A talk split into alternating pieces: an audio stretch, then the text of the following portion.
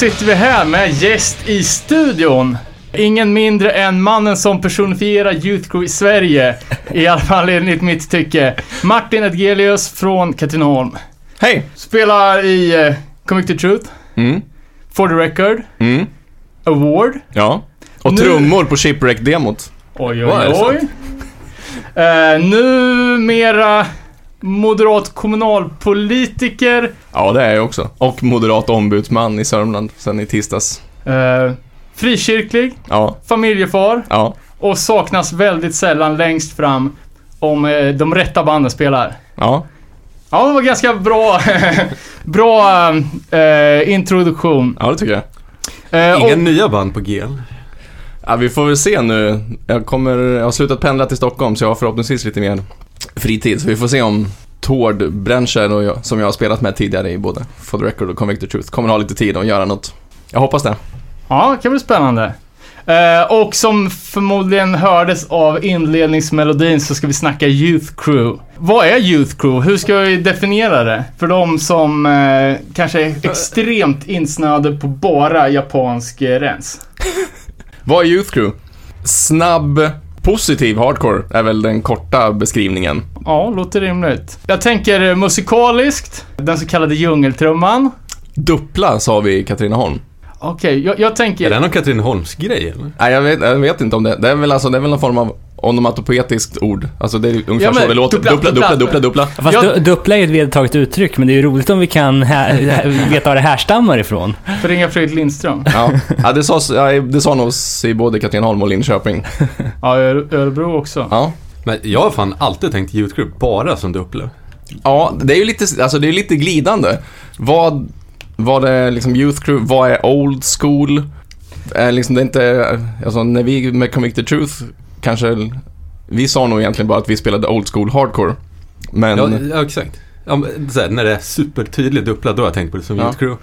När det inte är det, då har jag bara tänkt på det som Hardcore. ja, för att vi spelade supertydligt Uppla. Eh, Okej, en, en annan klassiker då. Dämpade gitarrer. Mm. Ja, Eh, mycket körer. Det är ju en viss typ av sång också nästan. Ja. ja. alltså på engelska brukar man kalla det för typ shouting lyrics. Ja, Det är kanske inte så att man faktiskt verkligen sk- skriker med halsen utan det är mer någon form av så här pratrop. ja, ja exakt. Eh, Om det, Svårt att förklara. åtminstone om jag är i USA, i Sverige var det lite mer skrik från halsen. Ja, ja exakt. Men Ja, snabbt, lite snabbt, dubbla, oftast ett positivt budskap. Lite pratsång brukar det vara. Ja, det är med. Gärna i battery. Eh, måste, måste det vara straight edge för att gå under Youth Crew-flagg? Det är, jag tror inte att det är så många band som själva claimar Youth Crew-flaggen utan att vara straight edge. Och lite var det väl kanske det som var en del, lite av skillnaden mellan de banden som sa att de spelar Youth Crew och de som bara sa att de spelar Old School. Ja, men exakt. Det var nog därför vi var inte edge allihopa i Comic the Truth till exempel. Och då tyckte, kände nog jag mig lite obekväm med att säga att vi spelar Youth Crew.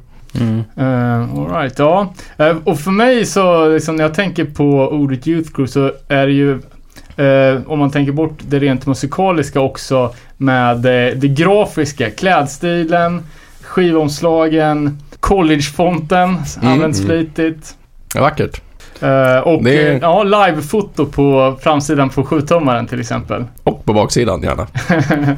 Det, det jag tror att man associerar straight med Youth Crew så mycket också, det är för att alltså många gånger, mm, första gången man såg det här klassiska college-exet var ju på någon Youth Crew 7 liksom, eller i samband med någon Youth Crew-poster liksom. Så, Mm.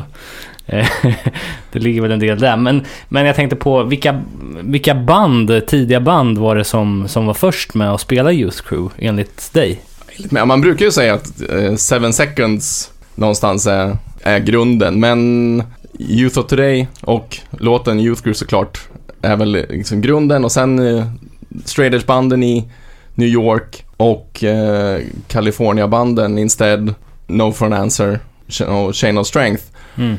Alltså där, är- där, där någonstans är början och tittar man lite tillbaka så Unity Uniform Choice som ju kraftigt förde in det positiva budskapet i hardcore-scenen. Mm.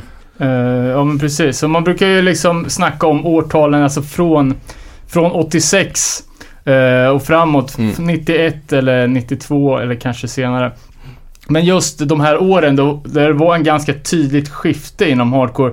Vid, eh, ja men ungefär 85 så hade ju i princip alla band från första vågen antingen lagt ner eller också börjat spela mer metal. Mm. Eh, De eh, gamla Boston-banden gick ju över till hårdrock och i New York så, så var det mer thrash-influerat. Men någonstans där så började folk vilja göra någon sorts reclaim av vad hardcore var liksom från början. Eh, Band med, med Youth of Today i spetsen som eh, Ja men som, som var kraftigt influerade av eh, Negative Approach, musik, men kanske det budskapet som framförallt Seven Seconds då som var ja, men det bandet som, som eh, liksom var, var först med ett positivt budskap i, i hardcore. Mm. Ja, vad är det som kommer åt- 86? Det är Ja, det är ju Break, Break Down, Down the the Walls. Instead, Bonds of Friendship, Eh, No for an Answer 7 Jag tror den var något, något år senare, men till exempel att, eh, att eh, Youth of Todays lillebrorsor i Crippled Youth, som sedan mer blev Bold, startade i New York. Och att sen man såg en förändring i scenen när till exempel eh, crossoverbandet Nuke Mayhem eh, la ner och började spela straight edge hardcore i form av straight ahead. Och att det då liksom hade blivit ett, ja, men ett, ett koncept. Ett skifte. Ja, ett, ett litet skifte. Eh, men ska vi, ska vi ta det bara ett snabbt på det personliga planet. Martin, hur kom du i kontakt med, med Youth Crew första gången? Jag, eh, det här kanske, kanske man inte ska säga för då kommer bli folk eh, avskräckta. Men jag kommer ju liksom från trallpunk-hållet. Började jag lyssna på i femman, typ 92. Sen där 93, 94 så dök det upp svenska hardcoreband. Började lyssna på Refused och dylikt. Och sen i Katrineholm så hade ju vi eh, husgudarna i Adhesive. Som right. strax där innan då hette Kurt Urban Karlsson. Men eh, jag blev vegetarian i här, november 93 och då eh, fick jag en skiva av Micke Fritz som spelar i Adhesive. Eh, då fick jag Instead av honom. Han bara, det här borde du lyssna på för de är också vegetarianer. Ja, det var ju, och det här var ju verkligen klockrent. Den energin och det liksom positiva budskapet eh, slog verkligen an direkt. Och eh, som man gjorde på den tiden så läste man tacklistor och gick vidare därifrån för att se vad som var, kunde vara av intresse. Och då, det blev ju Youth of Today och eh, ja, då blev det ju allt typ som Lost and Found hade återsläppt. Ja, jo men Eller- så, eller bootleg. så var det. Eh, ja, mm, mest bootleggat. Så Wide Awake, Upfront och deras eh, samlingar. Ja, vi har ju pratat om att vi någon gång ska göra ett Lost and found avsnitt och Ja, det tycker jag. Alltså, om man eh, struntar i vilka scumbags Lost and found är. Så vad, vad de har liksom tillhandahållit för musik till, ja, men i, på, till den europeiska marknaden i en tid innan internet eller någon typ av... Men man fattade inte att det var bootlegs heller. Nej, det Det gjorde var ju bara, Nej. ja, en, inte vet jag, Nej, men alltså, man hade ju aldrig kunnat köpa Wide Awake och Project X 7 då. Nej. Det fanns ju inte att tillgå.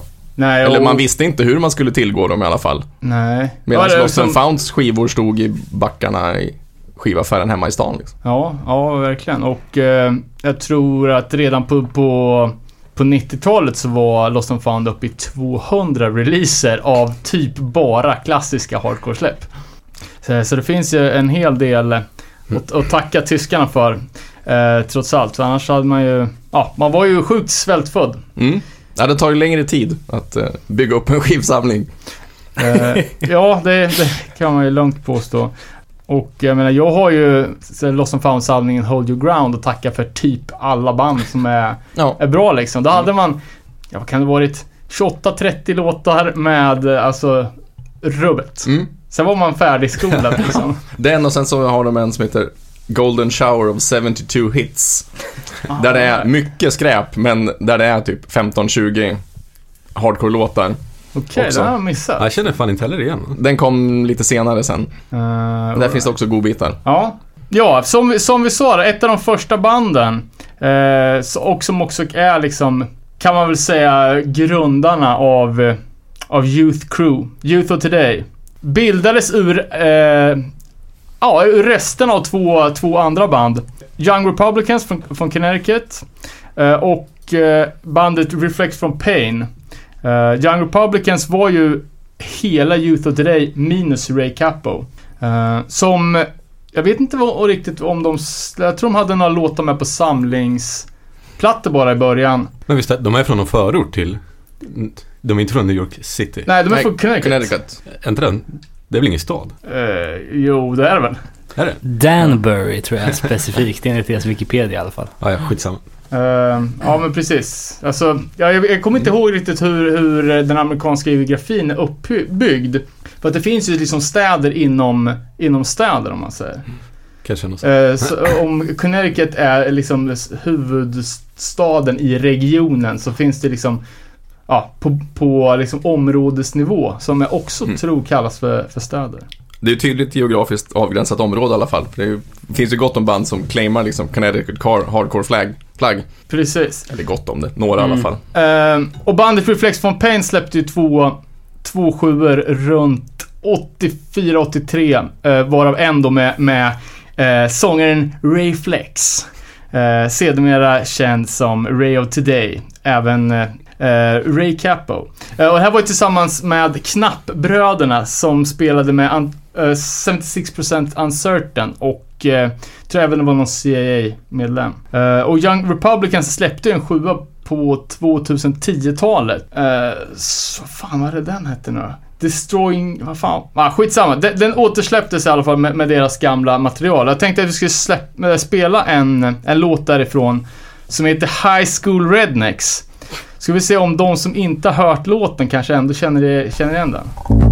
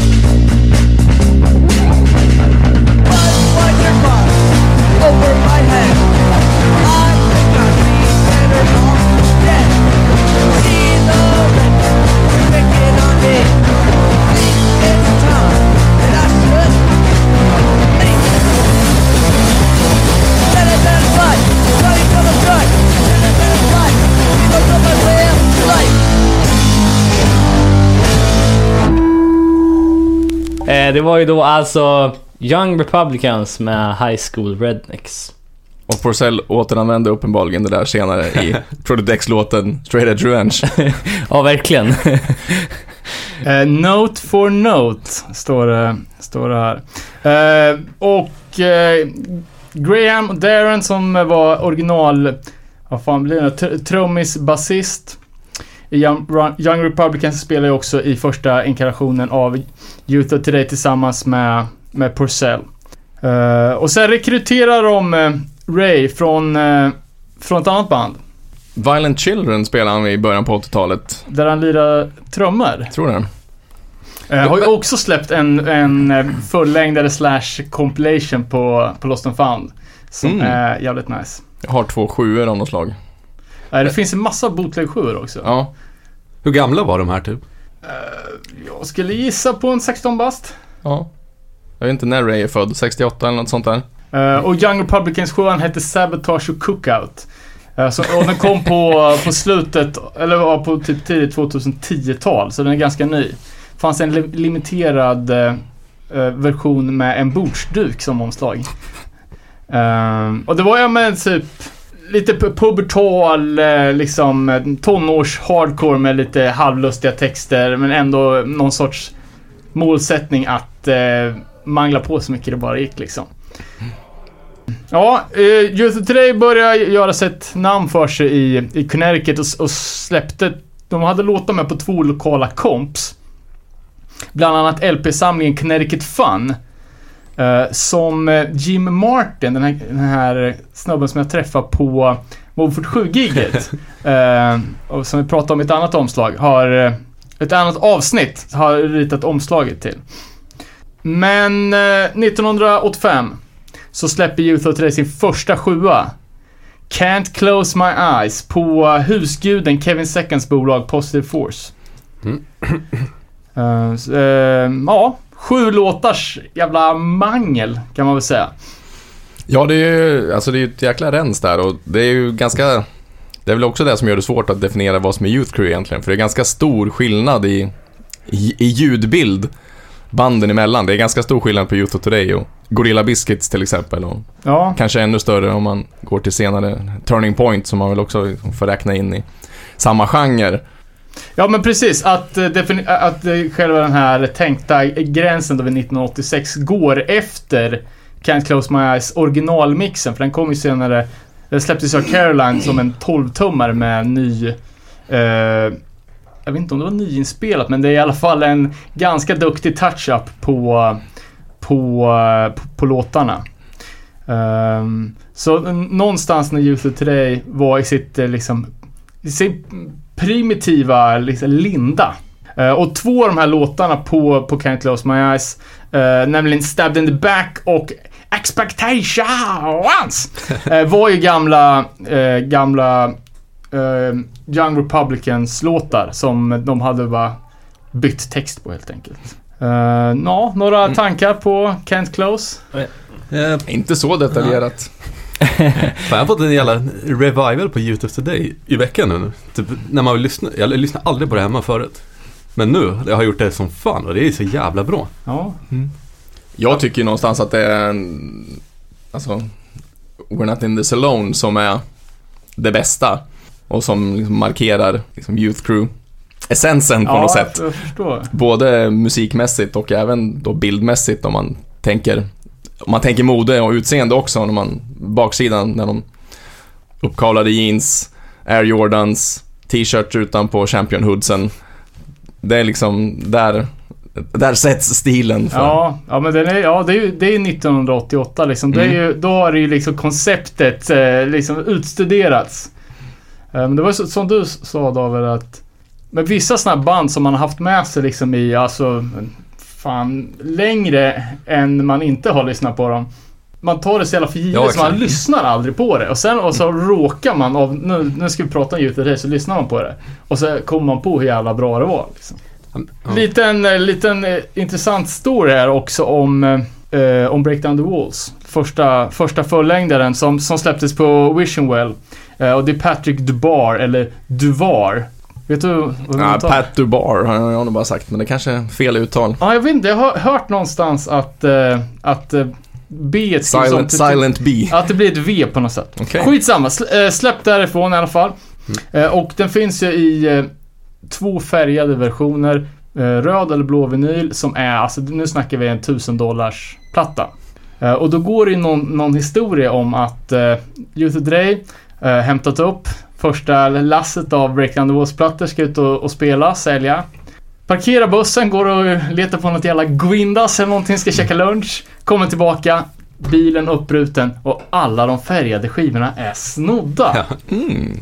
Och det antar jag är Ebay, Ebay Gold så här. Ja, så, ja, som sagt, det är 10 000 spänn liksom.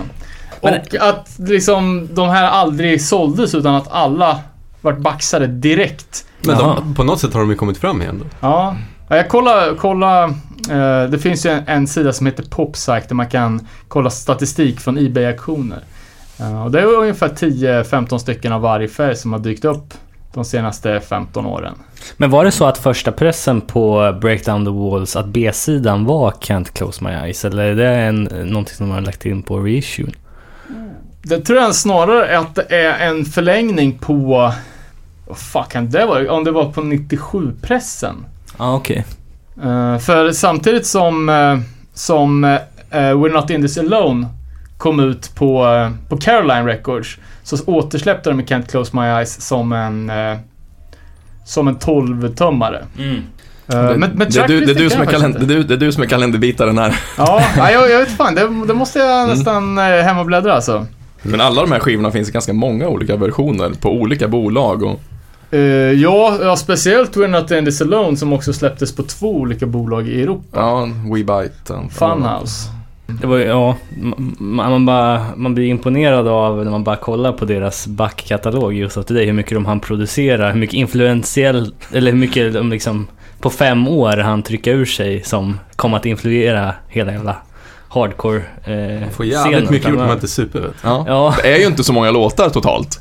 nej, men eh, det är jävligt... Eh, om man känner igen dem direkt när man ser dem liksom. Mm. Ja, precis. Ja, vad, vad, vad, är det då? Det är alltså en... eh, Det är två sjuor. Sju plus tre låtar. Två fullängdare. Mm. Mm. Um, 25-30 låtar. ja. Och eh, We're Not In This Alone då. eh, Den är inspelad i studion Sean Kings House of Metal. eh, en studio som vid den här tiden hade jävligt gott renommé. Mm.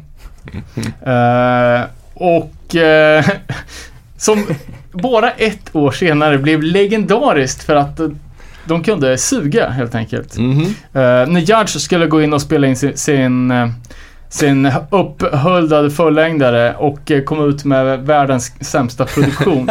Ja, det, det är roligt att det står här på Wikipedia-sidan att Sean King House of Metal was later used as the first attempt at a Judge full length. Så det, det blev alltså flera försök där. Mm. Undrar Det var väl massa- det var väl massa- studion. Det var väl massa strul med Youth of Today också.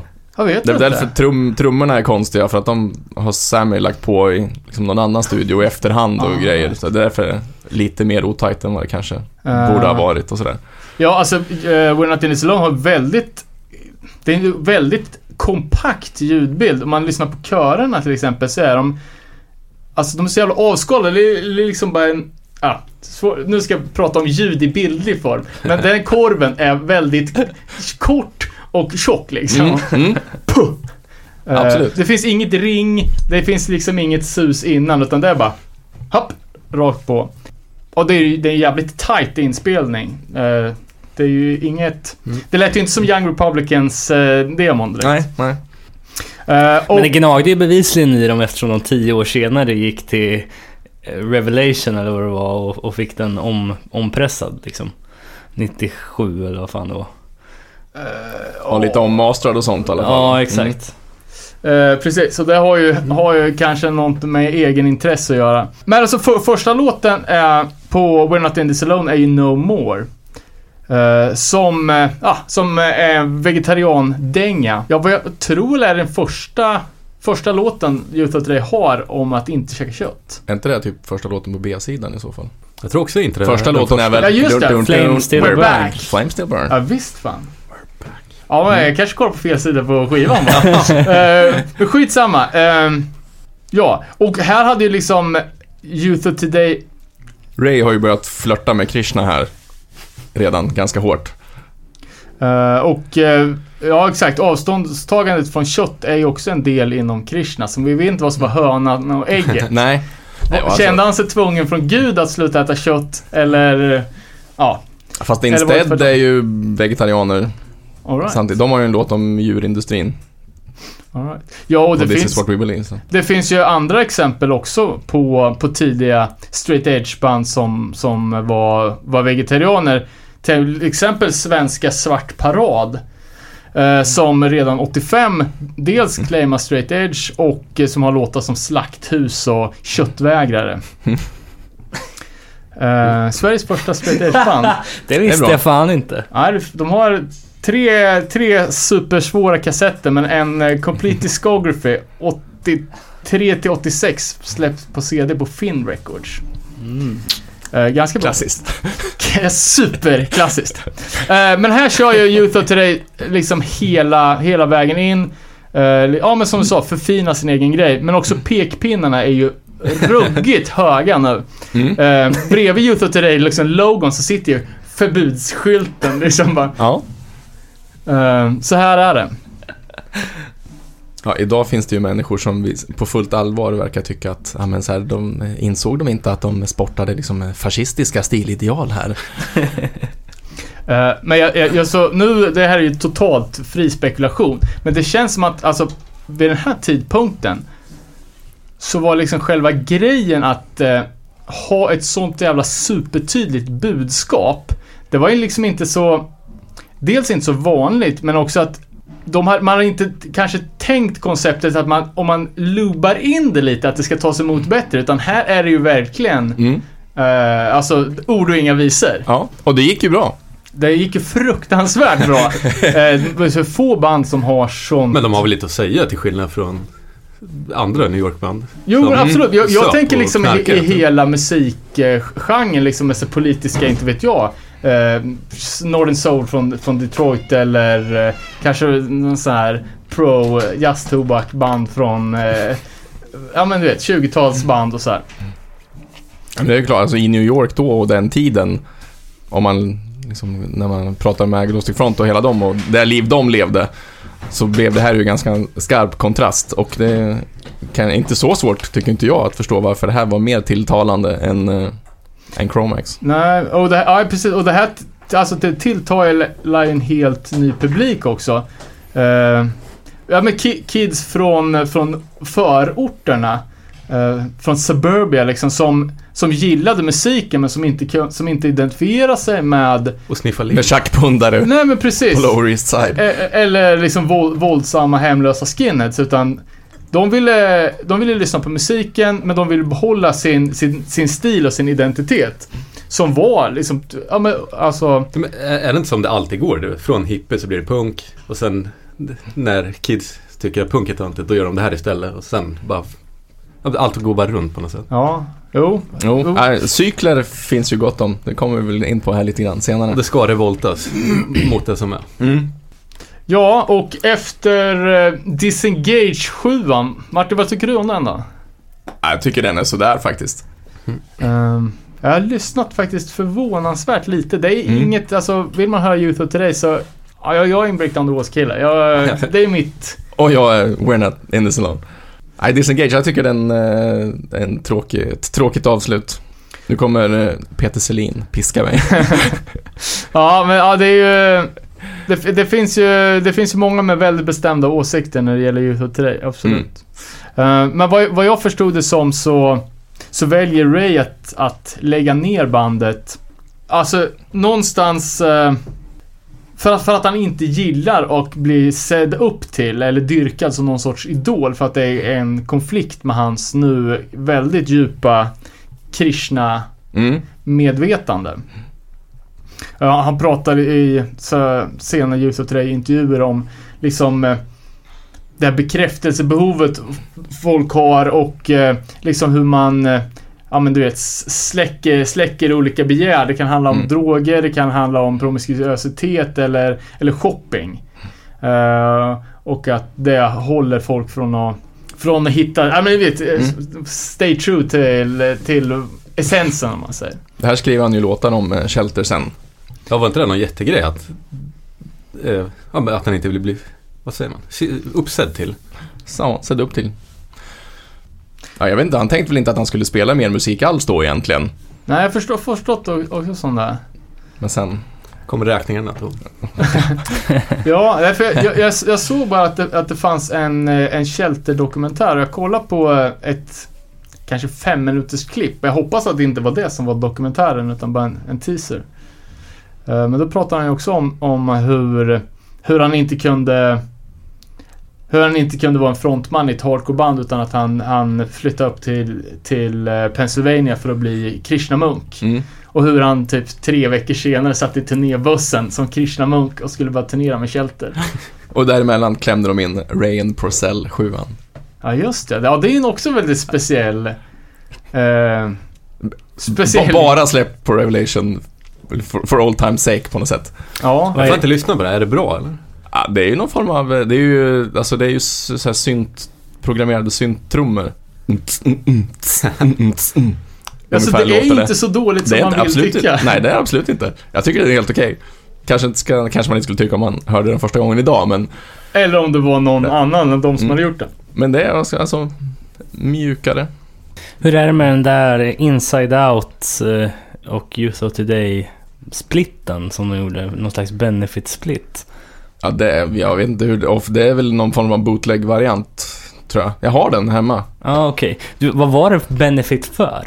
Ja, det vet, jag- det vet, det vet jag inte. For, sympathy for the record industry. Nej men alltså frågan är, nu, jag har också den här, men nu börjar jag fundera på om, om det inte är Inside Out från New York. Nej. Nej, för det är Viktig Kara på omslaget här för mig. All right. Det vill Mm. säga gitarristen i Inside Out.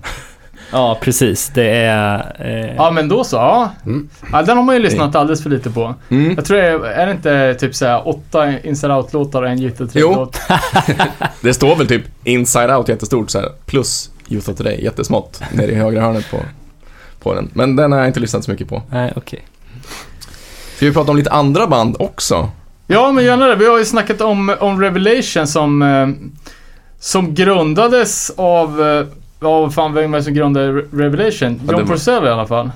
Ja, eller Alex Ray och Jordan Cooper Ja, du ser. var det väl. Och det är väl Eh. Jordan som fortfarande driver det. Eh, Ja, det stämmer. Ray, har ju, Ja. Ray verkar ha varit en ganska flyktig person på olika sätt eftersom han var med, han, liksom var med och startade där och sen så kom de nog inte riktigt överens. Sen var han med och startade Equal Vision och sen så kom de inte riktigt överens och så går han, så startar han Super Soul och lite sådär så att han är en, en, en Joe D. Foster person. Karaktär, ja. Eh, kan också vara så att han eh, med jämna mellanrum också måste bryta med allting och göra något nytt. Eh, Ja. Eller dra iväg och perioda som munk och, Mm. och såna grejer. Eh, men det fanns ju också en liten annan konstig avstickare där när vi snackade om Ray och Purcell. Mike Judge and Old Smokes LPn som också var något sånt där typ jätteskumt. Men är den så gammal dock? Det kanske är Ja. Rave 23 eller någonting? Ja, det är runt 90 någonstans. Jag tror det var mycket nyare. Nej, Nej. den är inte så bra. Nej, då är ju, då ska vi säga att då är Ray, and Purcell bättre. Ja.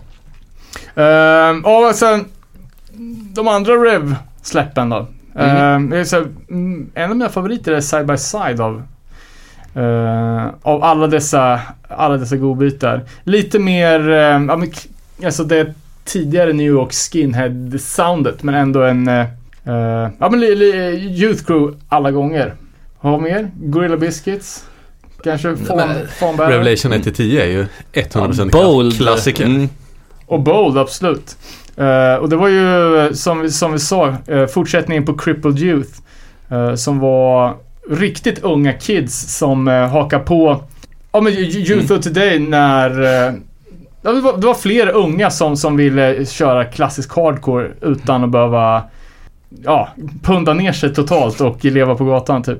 De var väl så här 14 år gamla eller någonting. Ja, de var riktigt, det, var- det I sägs ju som att det var of Todays lillebrorsor. Mm. Eh, eh, inte, inte genetiskt utan som, som kompisar. Mm.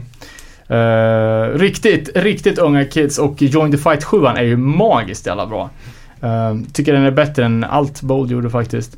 Eh, det finns en sån jävla känsla i den där alltså.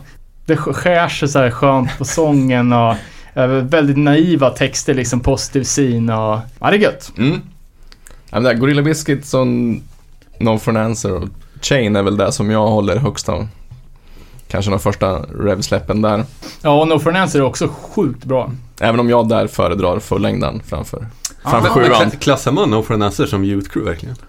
Alltså första sjuan är ju lite, där, där det är Casey Jones som spelar trummor som blir trummis i Ignitesen. De, det är ju entakt egentligen på de flesta låtarna. Och det är ju ganska mycket mer rens. Men om man tänker fullängdaren sen så är det ju definitivt Ja, precis. liksom, musikmässigt och även budskapsmässigt så Youth Crew. Eh, precis, vad heter det? Thought Crusade som Mm. kom där, jag kanske kom 89 eller någonting. På, 88 kom den fan på Hawker Records. Mm. Uh, avknoppning till Roadrunner som på kort tid släppte fem jävligt klassiska hardcore uh, alster. Ja, vi nämnde Chain of Strength då. Mm. Eh, ja, det måste man säga ett av de absolut mest klassiska youthcore-banden. Hardcore-banden överlag. Ja. ja, det är Eh, släppte... underbart och förträffligt på alla sätt och vis. Ja, släppte två, två sjuor och en låt. Mm. Eh, som sen, eh, sen blev en, eh, blev en fullängdare på, på, på Revelation några år senare. Eh, ja, ett, ett band som, som alla älskar. Som kom från ingenstans, liksom riktigt, riktigt unga kids. Eh, som kom från ingenstans till att släppa en sjua på, på Revelation som då var superetablerat, ja, nästan av vad Revelation är idag, eh, på bara ett år. Men även om det är ett av de populäraste banden idag, så var de långt ifrån det när de fanns. Eh, de hade beef med Gorilla Biscuits. De vart hånade i Maximum Rock'n'Roll med- i en eh, lång artikel. De hade beef med No for an Answer. Självklart hade de också beef med Cleveland. De var portade från CBGBs och de var utstötta av Orange County-scenen. Men de är från LA väl? Ja, de är från blandade ställen i LA-trakten. Eh, och Nemesis vägrar släppa deras andra sjua. och där tänkte vi kanske vi Det är ska, hårt. ja, vi ska snacka lite mer om det. Eh, vi kan väl lyssna på, på en låt som, eh, som var liksom lite upptakten till uh, Chain of Strength. Eh, en låt med bandet Justice League.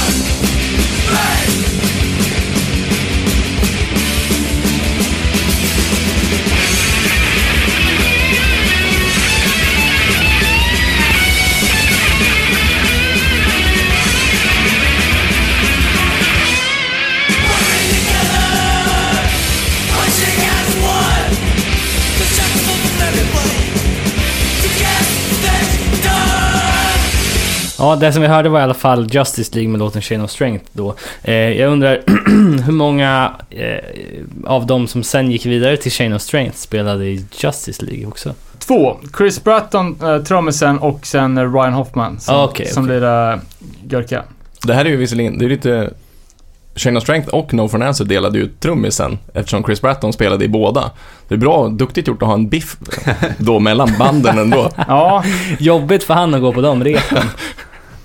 eh, Medla liksom. Nej, men jag, jag tror det, det var lite så här att... eh, jag, jag kommer inte ihåg riktigt eh, eh, anledningen till uh, No for an Answer-beefen, men jag, jag har för mig att det var något personligt med Danny Mahoney som verkar vara ganska svår att ha att göra med eh, om man hamnar på fel sida. Och sen att Orange County-scenen var väldigt tight. Och då fyra femtedelar av of Strength kom från andra ställen och inte riktigt var en del av scenen. Och att eh, ja, men Orange County klickade ihop sig lite och hypade sina egna band mer och eh, ja, så att de var lite outcasts eh, för ja, det var inte så- Outcast bland outcasts. exakt. Kan vara det coolaste som finns, men det var tydligen inte så, så bra career move. Sen får man väl säga också Eller att, så var det det. men att Chain Strength var, de var sjukt unga. Även fast, ja, Justice League fanns, hade funnits ett par år tidigare så var de mellan 15 och 18 bast.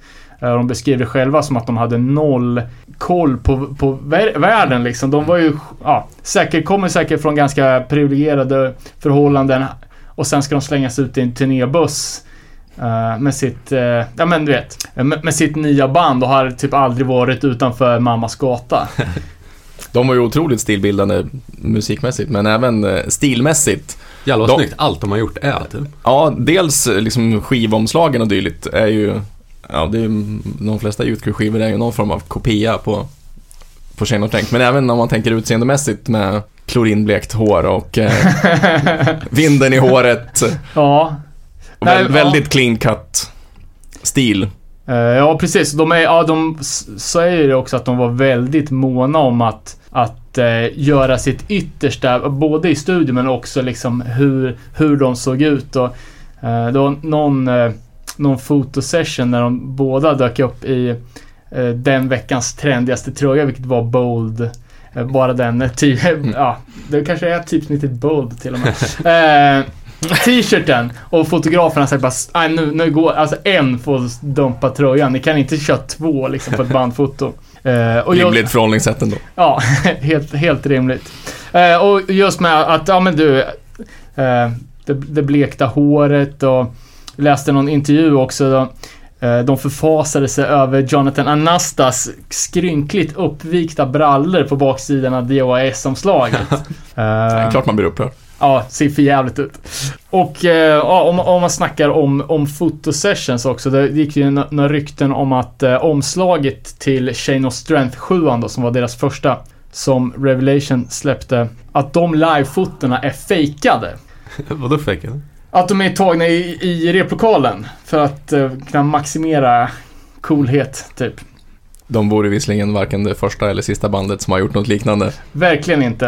Eh, men det fanns, fanns en, en historia till det och att uh, Strength gjorde, gjorde sin första spelning någonstans i, eh, i LA-trakten med tusen pers i publiken. Det var ett riktigt uh, fett gig med alla de stora banden. eh, på, på den tiden och de hade gjort ett jävligt bra första gig. Eh, de var duktiga på att göra merch också och de hade sålt slut sin sin t-shirt varenda ex på, på 20 minuter och de såg liksom att när de kollade ut i publiken så såg de fullt med folk som hade deras tröja. Vilket på den här tiden i, i USA var helt okej. och, ja, don't be that guy. ehm, men med sig då så hade de en kille som het, heter Chris Ortiz.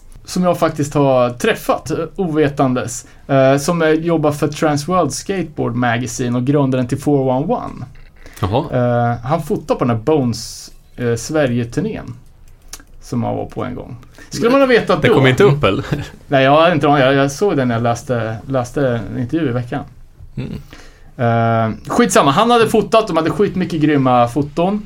Eh, men sen när, när han framkallar dem så på alla negativ så är det så streck. Eh, och han vägrar bara, "Nej, det- de här bilderna släpper inte jag ifrån mig. De är, det är som ett Ett fel. ett fel och det- sänker mitt hantverk liksom.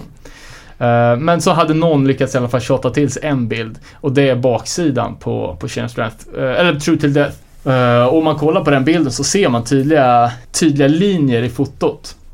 Mm. Som man annars skulle tro var, var bara en cool effekt. Eh, Sen är de också, de, är, de har ju en väldigt tydlig grafisk profil med det här gröna. Ja, nästan lite, man tänker att det skulle vara irländskt influerat liksom med, med de där färgerna. Men det är så långt ifrån dem man kan komma. De är väl lite halvitalienare, flera av dem snarare. Ja, jag tror det. Så det är en bra grön färg. Eh, vet ni var, var färgen kommer ifrån eller? Nej. Ehm, ja, det, det är så här att eh, den legendariska punktidningen Maximum Rock'n'Roll har ju ett, ehm, ett kontor, ett hus med övernattningslokaler. eh, som turnerande band kan slagga i och sådär. Eh, och där har de en av världens bästa punksamlingar. Är det den som är tejpad eller? Eh, precis. Och genidrag här då, för att inte folk ska sno deras plattor så har de tagit grön mm, så här, eltejp och satt runt kanterna på alla, på alla singlar, alla skivor.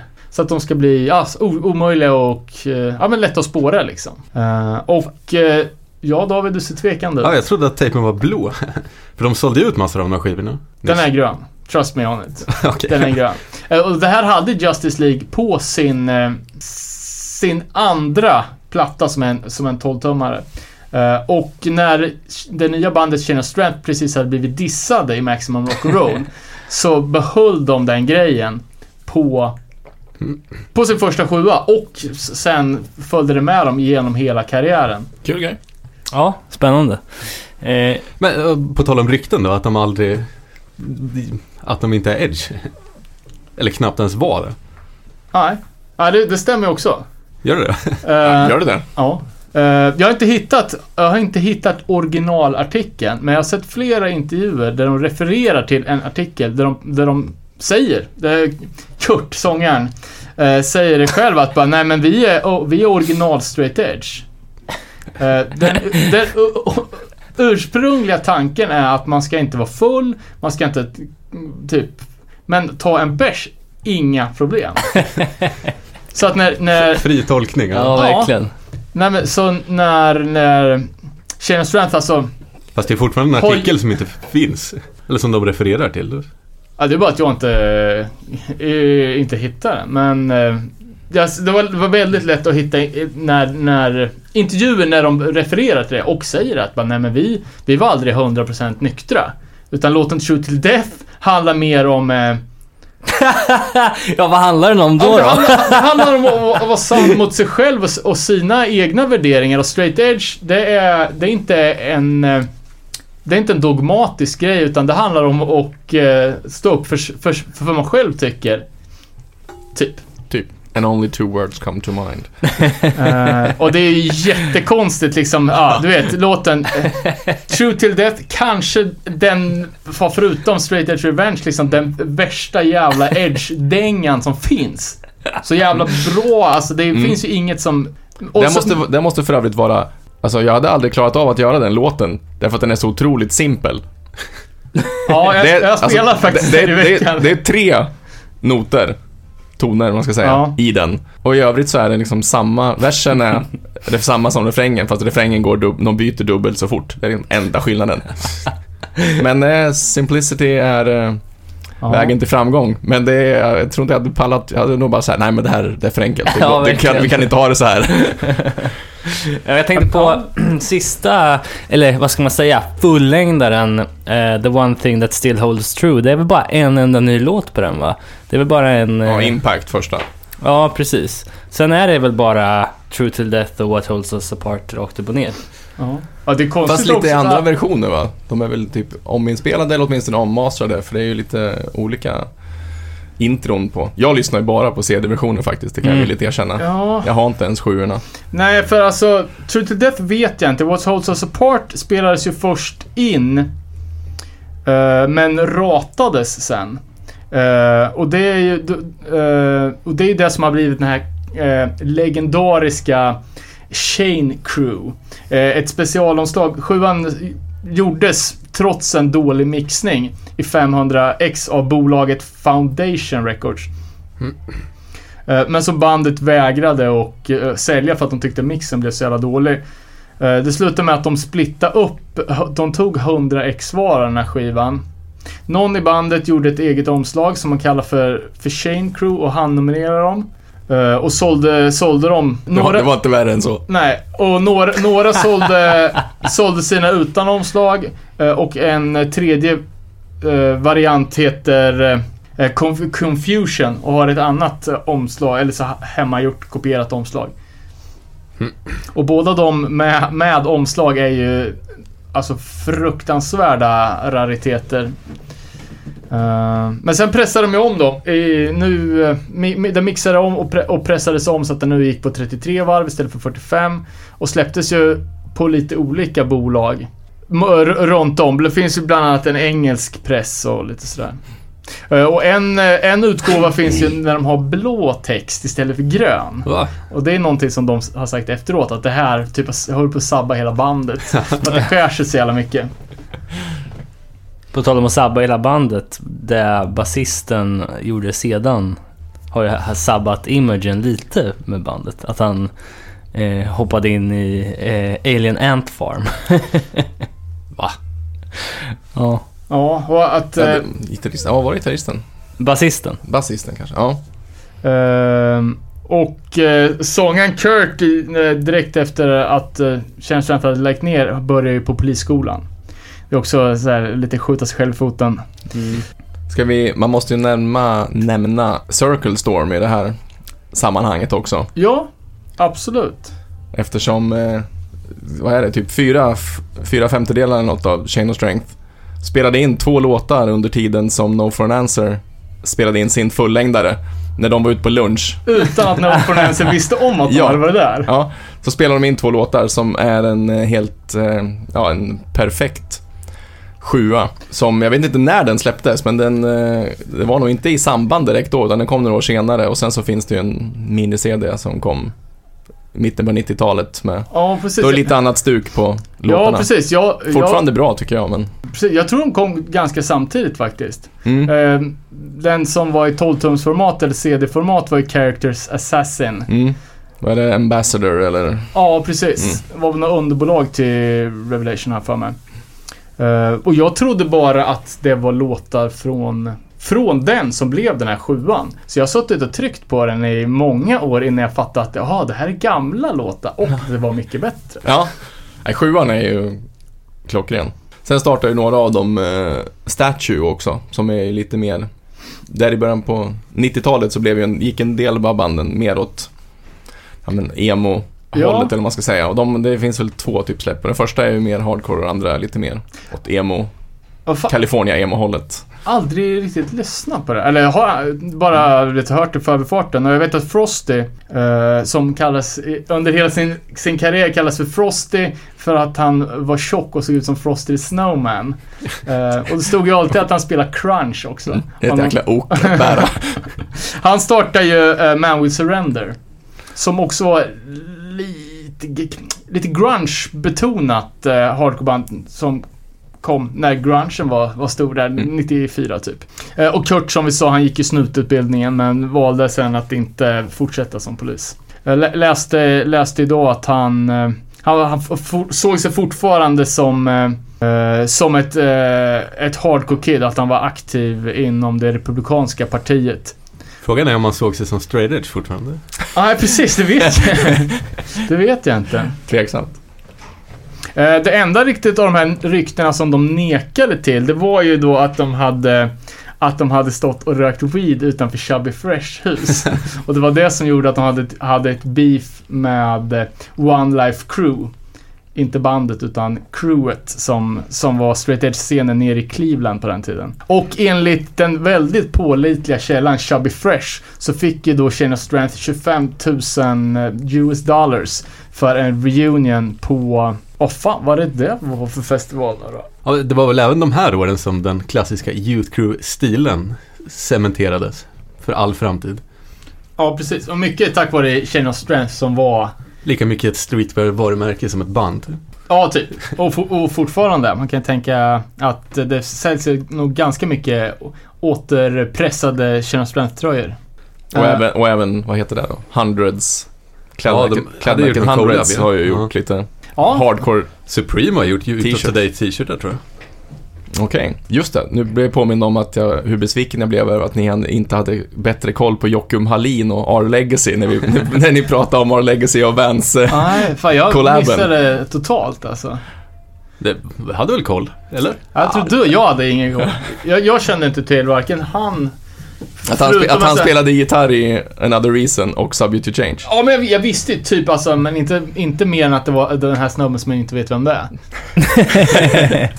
Eh, men något klädesmärke har jag aldrig hört talas om, Det är stort. uppenbarligen. Mm. Eh, och om man snackar Youth Crew och varumärken så gjorde ju Gorilla Biscuits till sin första turné gjorde ju en, eh, en collab med, med Paul Frank. Eh, med t-shirtar och även en, en plånbok för varje spelställe. Eller för varje datum på turnén. En Det- plånbok? Det är stenhårt. Ja. Åh fan. Var det en sån här klassisk med kardborre och i tyg typ? eller? Ah, jag tror faktiskt det var en läder, blå med guld eh, GB-logo på. F- finns de på Ebay? Det svarar jag. eh, jag köpte även den på, det vill säga eh, vit, tjock bomull, svinfin tröja med Gurra Biscuits apan. Fast bara med, med en guldtand i leendet. Just det, den har jag också sett. Den är cool. Eh, ja. Sen spillde man ju där tomatsoppa på hela framsidan, så det var ju bara bye bye. Men den hade varit cool att ha. Mm. Nej men visst, stilmässigt absolut. Alltså Youth of Today, We're Not In The Salon, baksidan där och så kombinerat med Shane. Det blev Air Jordans, camo shorts. Varsity-jackan. Någon Ja. typ av sportstil istället för men, punkväst. Absolut. Ja, Ray har ju sagt någon gång, som jag inte lyckas vare sig hitta eller komma ihåg, men att det är, som en, att det är en kombination av liksom, The American Jock och någonting annat. Okej. Som jag inte riktigt kommer ihåg vad det var. Ja. Men det är absolut, om man tittar på amerikanska collegefilmer så visst ser de ut som... eh, Kevin från Som- Seven som Seconds säger i uh, den hardcore-boken typ, jag vill inte se ut som någon jävla påfågel. Med tuppkam och konstiga färger i håret. och- Exakt, jag kör sen den här fotbollssminkningen med svarta fält under ögonen istället för att vara lite nedtonad. Jag kollade på Mm. den sjuan idag, jag har alltid tänkt att det var en skinhead på framsidan. Men det är det ju inte. Det är bara en snubbe. Okej, ja, en... Vad, vad heter det så här? Eh, losing your hair does not ma- make you skinhead. Ja, exakt. Jag, läste en, en intervju om, om Youth Crew-modet med någon ur Känner Student, kommer inte ihåg nu vem. De pratar mycket om att bara vi, vi, vi vill göra som de engelska banden. Och då tänk, alltså, eh, för tidigare så hade ju liksom det generella hardcore-modet var ju en rip-off på det engelska skinhead-modet. Och nu ville de, den här generationen hade, var inspirerade av det engelska casual-modet. Eh, och så bara, men så, som de engelska banden, att på jobbet så har de, de har sina kläder, det är samma märken. Sen går de på ett eh, ruck och en fotbollsmatch och sen går de upp på scen och spelar liksom. Man ska inte behöva byta om för sina olika, liksom vad man gör. Kom dock inte på vad fan vilka band de Ja, vilka syftar. engelska band syftar de på då? Uh, riktiga engelska casual punkband från 80-talet. inte aning. I don't know. Men nu, nu skulle Micke Adhesiv ha varit här. Han kan svara på det. Eh, det är bra, får, har vi lite fin feedback på en gång. Men att de eh, ja, men var ganska märkesfixerade med, med, med grejer som, eh, ja men så Champion som framförallt. Men de hade ju även massa liksom polo patches och, och skit liksom. Väldigt Kalifornien. Även på östkusten. Ja, vad har vi mer för roliga band då? Ja, men man, här när man fortfarande är kvar i Kalifornien så måste man ju nämna Instead, tycker jag. Som ju, ja det är väl ett av de bästa och när man tänker liksom Youth Crew-banden, hur de låter idag, moderna, alltså Mindset och liksom andra som har, finns idag, så om man drar några paralleller till vad, som, vad de låter som så är det väl Instead som egentligen ligger närmast till hands. Och de kombinerade ju verkligen både stilen och musiken och budskapet. Liksom tog eh, Unity och Uniform Choice-grejen och eh, verkligen eh, satte den i, i rullning. Också aktiva snarlika år som eh, Youth of Today va? Ja, 86 till 91 typ. Ja, just det. What We Believe kommer väl 91 va? Släppt på Epitaph. Ja, precis. Inspelad eh, hos eh, Mr Brett på West Beach Studios. Mm. Eh, och innan... Nu får jag sån jävla... Vad heter fan deras full, fullängdare med tre kidsen? Bonds of Friendship. Just det, precis. Det är lite av ett favoritomslag för mig. Alltså. A Det är few, rätt fult, A few member changes and a bad record deal. Sjunger de om i Okej. sista låten på... Jag gissar att det är Wishing Well de inte är så glada på. Men var inte det Pat Dubar och Jo. gänget? Mm. Ja. Men precis. Eh, och jag tror att Wishing Well på slutet blev ju någon... Alltså de vart typ överköpta och övertagna av eh, Giant Distribution. Som var kanske lite mer... eh, Ja, eller jag har läst lite grann om eh, Free Will. Som, Som aldrig kom ut. Som ja, kom som ut. aldrig kom ut. Ja, Ja. som, den skulle ju släppas på Wishing Well. Ja. Och, men Pat typ la ner bolaget och två år senare så sålde han eh, pressarna till Lost and found istället. All right. Jävla namn på ett skivbolag också. Jag skulle ju få stryk om jag kom på hardcore-spelning och mitt skivbolag hette Önskebrunn. Den. Ja, du måste. Det är ju coolt. Ja, Det är ju en där, alltså, positive youth liksom. Ja. När han alltså knäpper ner myntet i brunnen liksom. Det är ju så här Nyborstade tänder, glad och pigg och välkammad liksom. Ja, Men det är, jag, jag också en grej. Jag har alltid tänkt på Youth Crew som lite nördigt. Jo men alltså det, Ja. Det är roligt att han definierar Youth Crew som att inte ha tandtroll. Ja men det har ju liksom po positive dental attitude liksom. det, det har gjorts låtar om det för fan. Nej men alltså det är ganska lätt att driva, eh, driva med det för att eh, alltså typ banden som kom i början liksom, vi snackar om eh, om Youth of Today, de var, ju- det var ganska, alltså de var förbannade. Mm. Eh, och ganska snabbt så börjar ju folk till, liksom, peka, ja, du vet eh, skämta, driva lite med dem och det var ju därför typ som Judge startade som ett, liksom ett hatecore-band För att folk dissade Youth of Today som de tyckte så oförtjänt liksom. Så att då skulle de bli militanta och de hade en helt, liksom en lite mer elak approach. Mm. Eh, det är ganska lätt att hacka på de som är bara, "Ah, vi är så snälla, liksom, vi är så fredliga. Ehm, Spelar inte Mike Judge trummor i of Today ett tag? ja, jag, ja, har spelat, men jag spelar ju även i eh, det som var Death before dishonor. precis som Mm. blev Supertouch.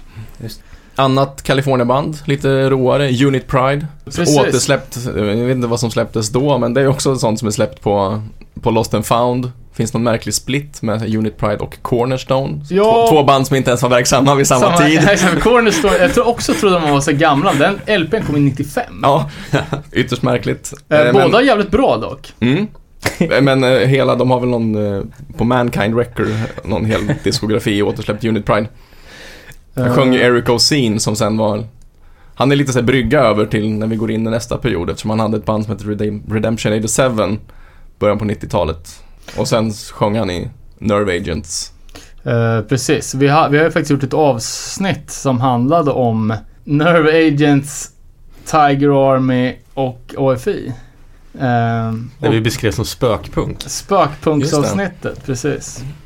Eh, och hur Redemption 87 var någon typ av katalysator till alla de här banden via, mycket tack vare Erik men också via, via någon andra dudes som jag inte kommer ihåg riktigt hur, hur fan det var där. Väldigt speciell röst på Eric. Ja, det är, nice. Eh, Och det var ju även eh, folk från östkusten med. Eh, fan heter han? E- också en Erik. Som spelar i Token Entry. Mhm. Uh, Prada kanske? Vad fan heter han? Ja, shit samma. Mm. Bra, bra grejer och det är ofrånkomligt nu. Det finns så många klassiska band. Alltså det här är ju hardcore. För mig är ju det den eh, liksom primen. Ja. De här åren.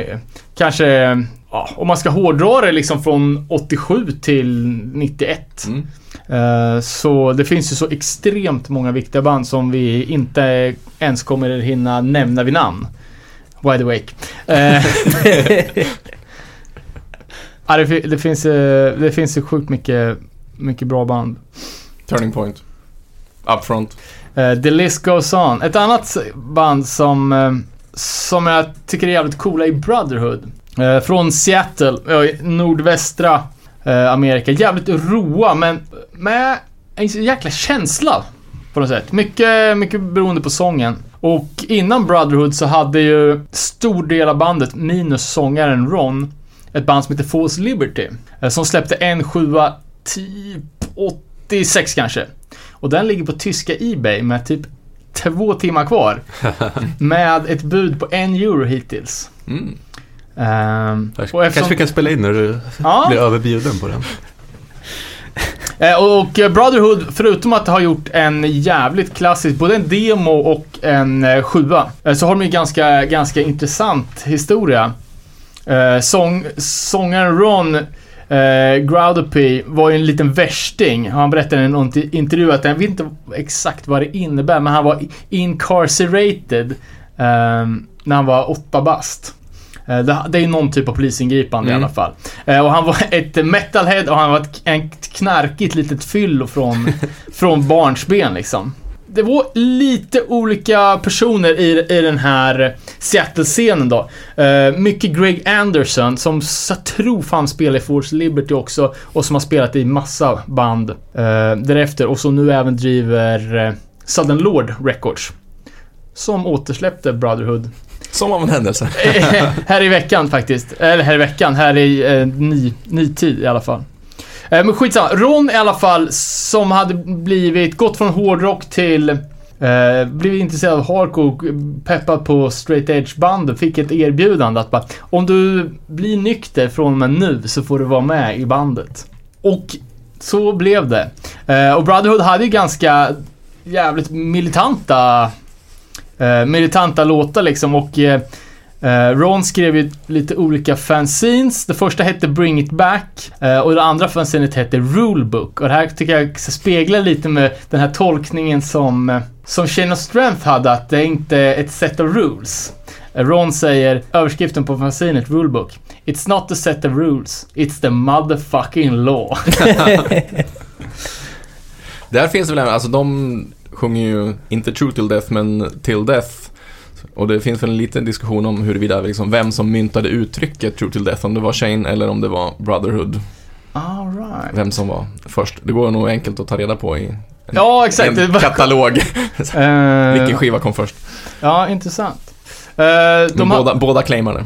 eh, jag förstår, jag, jag vet inte. Obegripligt så här i efterhand måste jag säga. Ehm, jag vet inte om det är någon som, som är true till death i den där konstellationen. Ron är ju det inte eh, i alla fall och uppenbarligen inte Sharon Strength Kidsen heller. Är det alltså det du har tatuerat i nacken? Aj, det är väl en grej med, mellan mig och min brorsa. Ja, okej. Eh, och alla ens eh, killkompisar kanske. Eh, och mitt favorit straight edge band från Seattle. och eh, Nate då som, som spelar väl gitarr, li- lirar i, i dagsdatum om de fortfarande håller på i Foo Fighters. Han var ju inte heller Edge. Han var ju med i den. Eh, vad fan heter den? Podcasten. Turn out the punk. Turn- Ja, exakt. Och pratade om att jag bara, ja det är okej. så. så jag Spel- låtar bara, spela bara så är det lugnt. Spe- någon spelar i Sunny Day Real Estate sen då också. Ja, det var nog han också. Mm, just det. Jag vet inte fan, det är tydligen ett jävligt stort och känt band, men jag har aldrig lyssnat på det. Emo-svängen på 90-talet där sen. Startade ett band senare som heter Resolution. Mm. Som har släppt... Fin- som också finns på Lost and found. Alltså, Som Lost and found-släpp. Uh, det ser man. Även släppt på, på Rons egna bo- bolag Overkill Records. Som bland annat släppte första Integrity-LPn och lite annat elakt. Jag har att det är typ en bra låt på den Resolution-skivan. Och resten är skräp. Okej. Ja men det är fortfarande ett köp. En, det är en, ti- en 10-tummare, sen tror jag de har gjort en... Seattle Brotherhood va? Uh, Heter, nog, heter Lost and found-varianten i alla fall. Ah, okej. Ja, för de gjorde en split sen med, eh, med Undertow. Som blev eh, eh, Seattles flaggskepp inom hardcore på, under den Unbroken-eran kan man Mm. väl säga. Vars trummis senare sen spelade på första Ensign 7 Okej, nu är vi tillbaka till, eh, till östkusten. Ja, Men i Seattle, eh, om de hade sådana där eh, stora band på den tiden, vad har det varit för återväxt där egentligen? För man hör ju aldrig några band därifrån nu för tiden. Nirvana hette ett band som var rätt stort. Ja, just då fanns, alltså sen var det ju Undertow, men sen under 2000-talet så hela, alltså Seattle och Vancouver är ju typ en och samma scen. Det är ju två olika länder, men det är ju någon timme emellan eller någonting sånt där. Och alla, alltså Champion och Keep It Clear och Mm. On och alla de här är ju Go It Alone, Okej. Stay Gold. Så det finns ganska många band Mm. i, i, det, i den regionen. Annars är det ju ett eh, ganska ingenmansland för, för hardcore. Eh, alltså den allra nordligaste spetsen av, eh, av västkusten. Men med de få undantagen och kanske just under, under den perioden, så här champion-tiden. Mm. Det var deras peak Det- liksom. Ja, verkligen. Eh, Har vi något mer glömda guldkorn eller någonting innan vi går in på det som kommer kallas för Youth Crew Revival? Ja, ska vi nämna lite New Jersey här också? Eh, ja, Turning Point och Release, för att nämna, är väl de två. Turning Point är ju väldigt aktuellt idag igen, får man väl säga, eftersom de har kört lite återföreningsgrejer. ja precis. Ehm, vad, vad tycker du om det då? Alltså, Ja, Turning alltså- Point, eh, jag antar att du dyrkar Turning Point. Ja, det gör jag ju. Absolut. Och, Men eh, själva reunion-grejen, som är lite speciell då eftersom de kör utan sångaren. Ja, Skip är ju död, så att det är svårt på annat sätt. Jag är... Jag är vill, Det finns de, hologram och grejer. vill de så får de. Alltså, jag är ganska obrydd Okej. inför, inför det. Och skulle jag ha en Men det möjlighet var att inte se dem åka så... dit och åka, eller åka dit och se det? Ja, det var jag väl, men det ska man ju både ha tid och råd med och sådär. Nu, jag vet inte, har, de, har den här England-spelningen varit än? Nej, det är slutet på månaden. Slutet på månaden? Det hade ju varit fett, men det får bli en annan gång. Um, ja, för det, det är någonting med, med just att göra en reunion så här utan sångare. Till exempel så gjorde ju Warzone en ganska liknande grej. När de hade massa gästsångare som körde med, med Warzone-bandet liksom. Mm. Och, Ja, och och så, Turning Point gjorde ju samma sak. Precis, för första gången. Men att de Mm. nu är ett turnerande band. Ja, är det turné? Ja, jag vet inte vad... Ja, halvturnerande. ja. Eh, det är inte en one-off i alla fall. Vet du vem som sjunger då? Ja, när de då, alltså första gången så var det ju Rob Fish och Tim McMahon och någon mer va? Och nu i England så är det väl, jag tror det är Tim McMahon som, som Alright. kör. Från Mouthpiece va? Och Hands Tied och Och Hands Tied, mycket precis. annat. Vi kommer nog in på han senare här. Eh, risken är väl det. uh, om vi ser release då. Det är Rob Fish band eh, som... eh, Precis, som också, de spelade ju, de gjorde ju någon, eh, det var ju någon spelning för eh, Vision-sångaren. Ja men precis. Här i helgen som var. Dave Franklin. Var ett jävla ställ på den. Ja, och då spelade, gjorde de ju någon form av release resurrection-set. Okej, häftigt. Ja. Så, nej, release var ju som sagt Rob Fish och Chris Susai. Som vi säkert kanske också nämner sen eftersom han spelar gitarr i Floor Punch. Release är det enda bandet från den här perioden som inte har gjort en reissue på sent 2000-tal eller? Ja, det vet inte, det vet Nej. du bättre, men det har han nog Men inte de sett har väl inte någonting. släppt så mycket? Ja, vad är det, typ två sjuor, eller vad är det? Eh, Finns också som Lost, and- Lost and found-skiva. Ja, jävligt snyggt omslag. Eh, den första release 7 är bara uppe i, i, i logon. Det är ju såklart ett live-foto, men det är ju också en, en sån klassisk Youth Crew Spökhood. spökhood-gubbe. men på release, på release, eh, på bootleg Lost and found-varianten så är det ju en hel liten jävla klan med spökgubbar. Eh, riktigt nice. Så, ja, precis. Sen släppte de en, en sjua till efter den eh, första sjuan som hette A, Pain Inside som är släppt på Action Pact Records. Det. Eh, klassiskt kortlivat Youth Crew-bolag. Jag vet fan, jävligt, jävligt Ja. coolt band. Alltså, jag gillar release som fan. Ja. Och det är ju alltså det är betydligt hårdare än kanske det andra vi har pratat om här, men de har varit väldigt viktiga för New Jersey förstår man, liksom i och med vad bandmedlemmarna har gjort senare och gått vidare till. Precis, och det är och, eh, mycket av dem, eh, alltså precis, eh, som vi touchade lite på Resurrection då som blev bandet efteråt och sen eh, 108 som, Precis, Rob Fish sjöng ju båda. eh, som, eh, ja, som eh, behöver inte ens förklara vilka de var helt enkelt. Nej. Ehm, jag ska ta och namedroppa mitt favorit Youth Crew-band. Det är ju Insight. Eh, från Utah, Salt Lake City, släppte bara en sjua som heter Standing Strong som kom ut på, eh, på Soul Force Records 89 tror jag. Eh, och som även Victory Records återsläppte några år senare under namnet What Will It Take. Och har ett mörkare, lite mer elakt sound och eh, jävligt skickliga musiker och top notch tycker Mm. jag.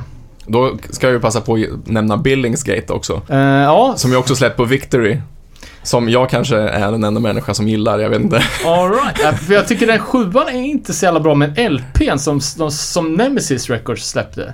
Ja, jag har, jag har nog bara lyssnat på den Victory. Alright, för den Släpp. LPn är skitbra faktiskt. Ja, okej. Får jag leta upp den då. Visst är det? Det är typ Victor 1 eller 1, 2.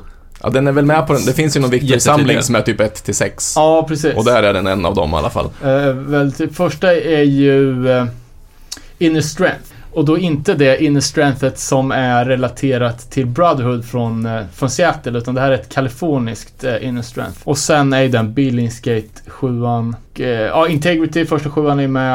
Eh, och eh, Words Collide. Just det, det. Jag tänkte, någon Och- skitful skiva med någon jävla grej som... Och sen är det Iceburn. Eh, som senare blev Iceburn Collective som spelar någon sorts jazz-influerad hardcore. Svårt. Eh, och sen då, Nischat. Och eh, då den Insight 7 Ja, det är ju...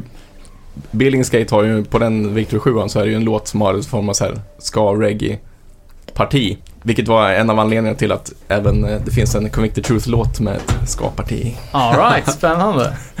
Mm, Ja, fan kolla, kolla upp LPn. Den är mycket bättre. Då kom, det är ju, alla de här banden var ju... Det är ju lite senare, det här är början 90-tal måste det vara. Ja, Eller? precis. Det är ju alltså... um, Eller ja, 91, 92. Ja, det, ja, det är ju 91, 91, 92 och eh, om eh, Youth Crew kanske dog lite i de stora städerna, New Jersey eh, eller i Los Angeles, så är ju den sydstaterna och Midwest-banden är ju några år senare. Eh, och då tuffar de till stilen lite, blir lite sämre, men eh, det finns också så jävla mycket fina så här, obskyra godbitar. Till exempel Billingsgate eller Insight.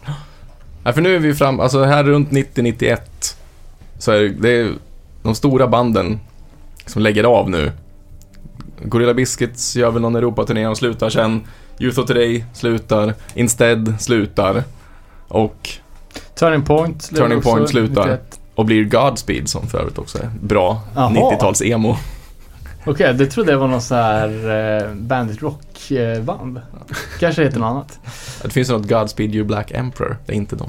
Så att eh, här dör ju den första Youth Crew-vågen, får man lov att säga. Och det finns inte så mycket annat att, eh, att det är inte så många band som spelar dubbla vid den här tidperiod, tidsperioden.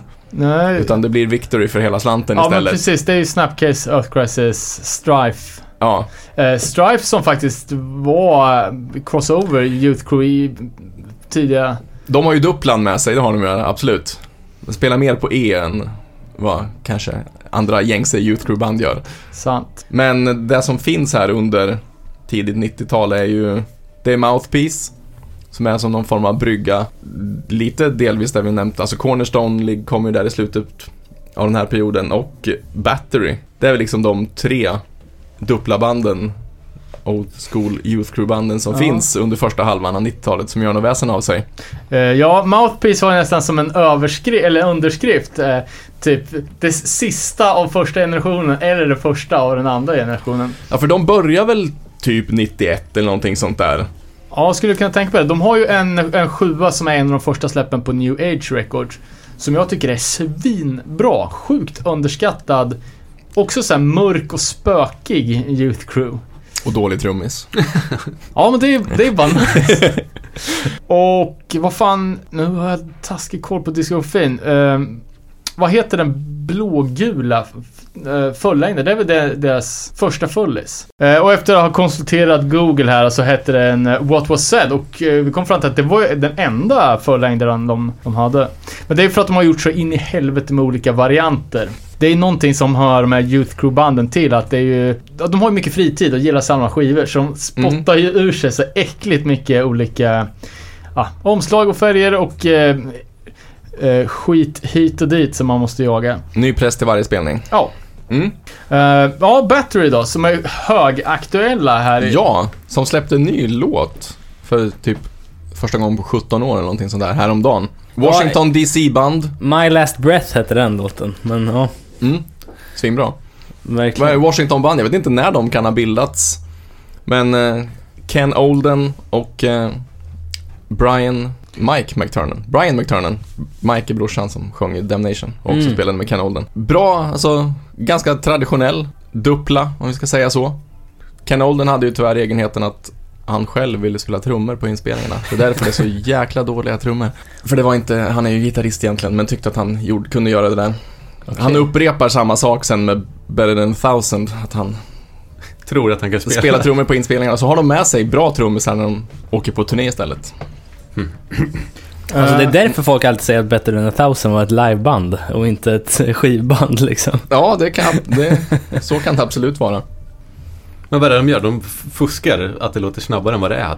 Ja, han, ja, Ken Olden fuskar ju och spelar lite som någon form av baktakt-duppla när han slår på hi-haten samtidigt som han slår på virveln. Att Man, han hoppar över ett slag typ.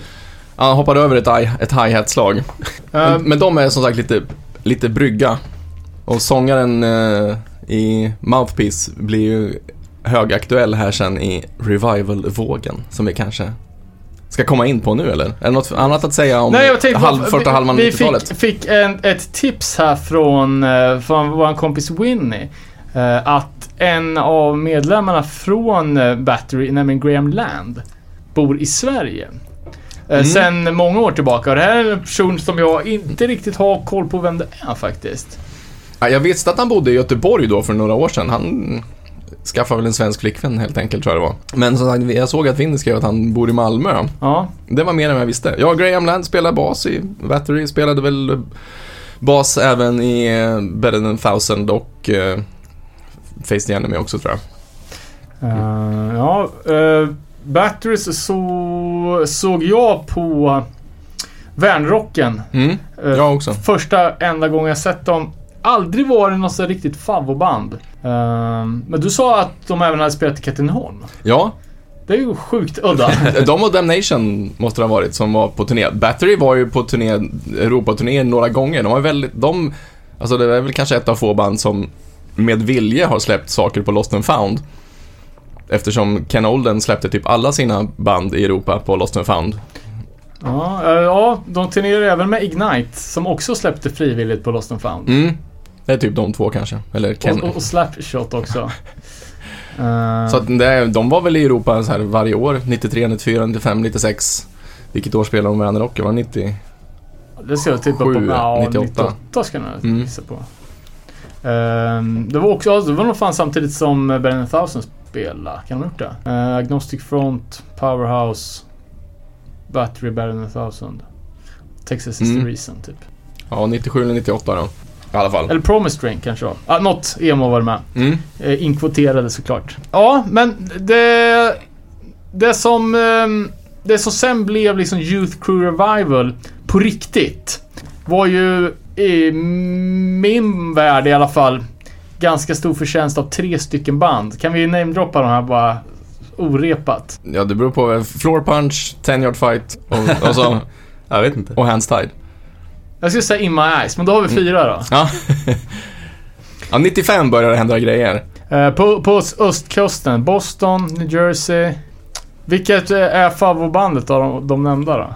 In my eyes. Hmm. Kanske Ten Yard Fight i och för sig. Då var det nog 10 Yard Fight. Idag är det nog eh, Hands Tied och Floor Punch kanske. Ja, Ten Yard Själv- Fight låg ju högt uppe på min lista också måste jag säga. Eh, och Floor Punch också. Ja, Ten Yard Fight skulle jag säga. Hardcore Pride. Ja, Ja. ja. det, är, det är en eh, helgjuten sjua, verkligen. Eh, började som ett skämtband.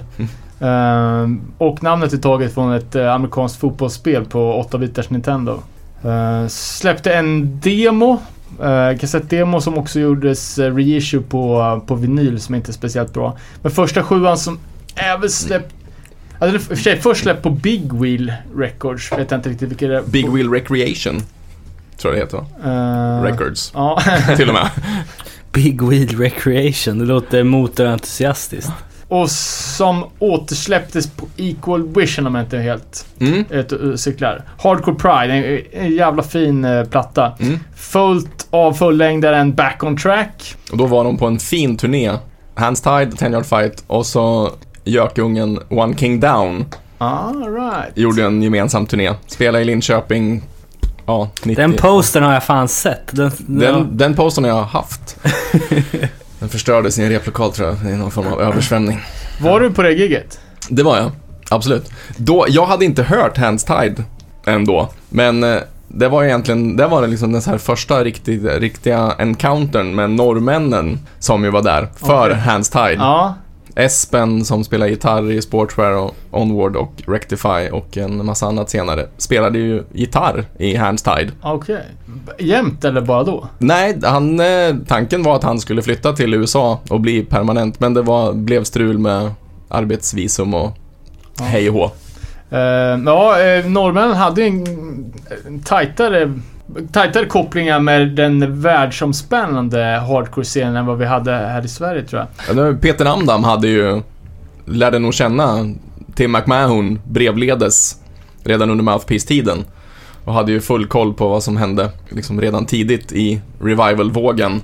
Och hade ju redan Onward, hade haft i några år, släppt på eh, Crucial Response Records. Ja, men precis.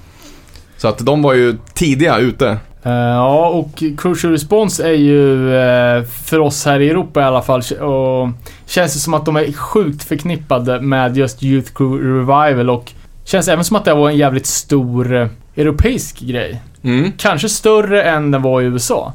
Lite annorlunda i alla fall, men det är alltså det, Belgien, Holland, Tyskland, det är fullkomligt sprutade ut sjuor Ja, med mer eller mindre bra band under hela andra halvan av 90-talet. På, dels på Crucial Response, på Commitment Records, på Seaton Records och lite andra. Keep It Alive Records och andra. Benny Alives eh, bolag. Benny Alive. Eh, Släppte bland annat svenska Ice Shut. ah. Ja, okej. Det var ju fan bästa svenska Youth Crew-bandet. Ja, de och Subject to Change. Another Reason. Ja, vi hade mycket att göra med Trunchbull från Motala. Eh, intressant. Ja, fan eh, de var ju hypade som fan men eh, vi fick aldrig tag på den sjuan förrän det var lite för sent. Ah, okej. klassisk eh, bild där på våran vän Boris när han kör ett Youth barfota i en Mm. replokal, kommer jag ihåg. Spela alltid utan skor. Jävla hippie. Ja, helt klart. Eh, men när kommer Trunchbull 7 då? Ja, 98, 99 Eh, borde det ha varit. Convicted Truth, mitt band, släppte sin sjua i typ november 98. Och vi var ganska samtida. Jag tror till och med Trunchbull spelade på vår releaseparty som vi hade i Vingåker. eh, den sjuan är ju fan ganska bra också faktiskt. Jag, jag köpte den Tackar. på Trashbället för 10 spänn. Ah, härligt. Eh, Ja, den sålde helt okej. Det var en kille från Värmlands skogar. Eh, Johan som hade Envelope Records. Hade hört vårt demo, ville släppa en sjua. Två, finns två pressningar. Första är typ 525 ex och den andra är 250. Och han var duktig på att få dem där, få ut dem där. Ja, verkligen. Alltså, för det är väl inga spe specialomslag och färger och sånt där, utan Nej, bara... ja, det andra pressningen har ett annat omslag men ja, inte kom, mer konstlat än så. jag hörde någonting om att eh, han hade fått en jätteorder till Japan, typ 200x, och var tvungen att göra en helt ny pressning. Det är mer än vad jag vet faktiskt. Men av någon annan, alltså den första tog ju slut i alla fall. Det är bra. Alltså fan 500x på ett, alltså ett svenskt band som inte, jag kan anta att ni inte gjorde några omfattande turnéer. Liksom. Nej, verkligen. Vi var ju, spelade ju knappt utanför Katrineholm liksom. Spelade i Vingåker, Linköping någon gång, Motala. Och pre-webb-beställningar. Ja, Ja, ja, det, är det är fan br- bra gjort. Han var en riktig månglare de där Mm. Envelope. Uh, Vi börjar komma in där lite slutet av 90-talet, början av 2000-talet. Vilka amerikanska Youth Crew-band var det som var stora i Sverige på den tiden? jag skulle säga Floor Punch. Ja, jag- ja, ja, vi ver- verkar alla ha haft eh, 10 yard som någon sorts favvo, men det känns som att Floor Punch var enorma och att 10 yard fight var, inte så här- var inte något som folk snackade om. nej inte jätte. Nej, Floorpans blev ju absolut stora. Men även, alltså In My Eyes såklart och sen finns det ju andra band som... Jag är väldigt förtjust i Fast Break. Alright, ja. Till ja jag, lyssnar väldigt sparsamt på. Som ju blev väldigt melodiösa mot slutet, men eh, som startade som mer renodlat Youth Crew-band, släppte på Third Party Records. Jag gjorde en split också med Terran Fight. Ja, den, det är ju typ den, det bästa släppet med båda de banden. Ja, alright. Fan, jag har knappt lyssnat på det här, alltså. Floor Punch som, ja men det, det, det märktes att hypen var stor i början av 2000-talet. Eh, för när de sen tio år senare kom tillbaks till Sverige och levererade några ganska undermåliga gigs så var det ändå en äldre generation som hö- höll flaggan i topp liksom. Eh, och tyckte att det var bra ändå. Men vi kanske ska ta och lyssna på en Floor Punch-låt då. Har ni nå- någon idé om vilken? Ja, man kan, kan inte önska... Clear, Clear är ju den klart bästa. Ja, kan inte önska ett intro så vi kör, gå, gå på clear.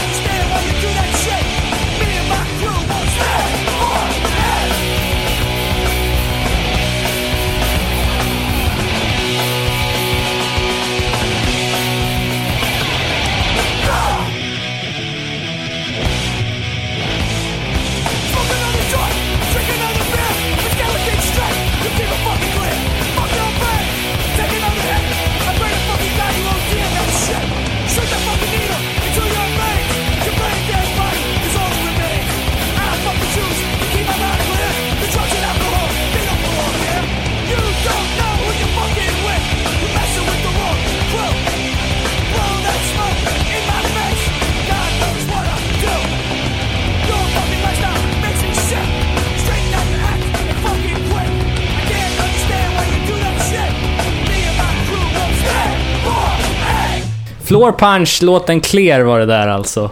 Eh, 100% bra sa du, Martin. Ja, Som ju finns med på den, för mig, mycket viktiga samlingsskivan For the Sake of Dedication.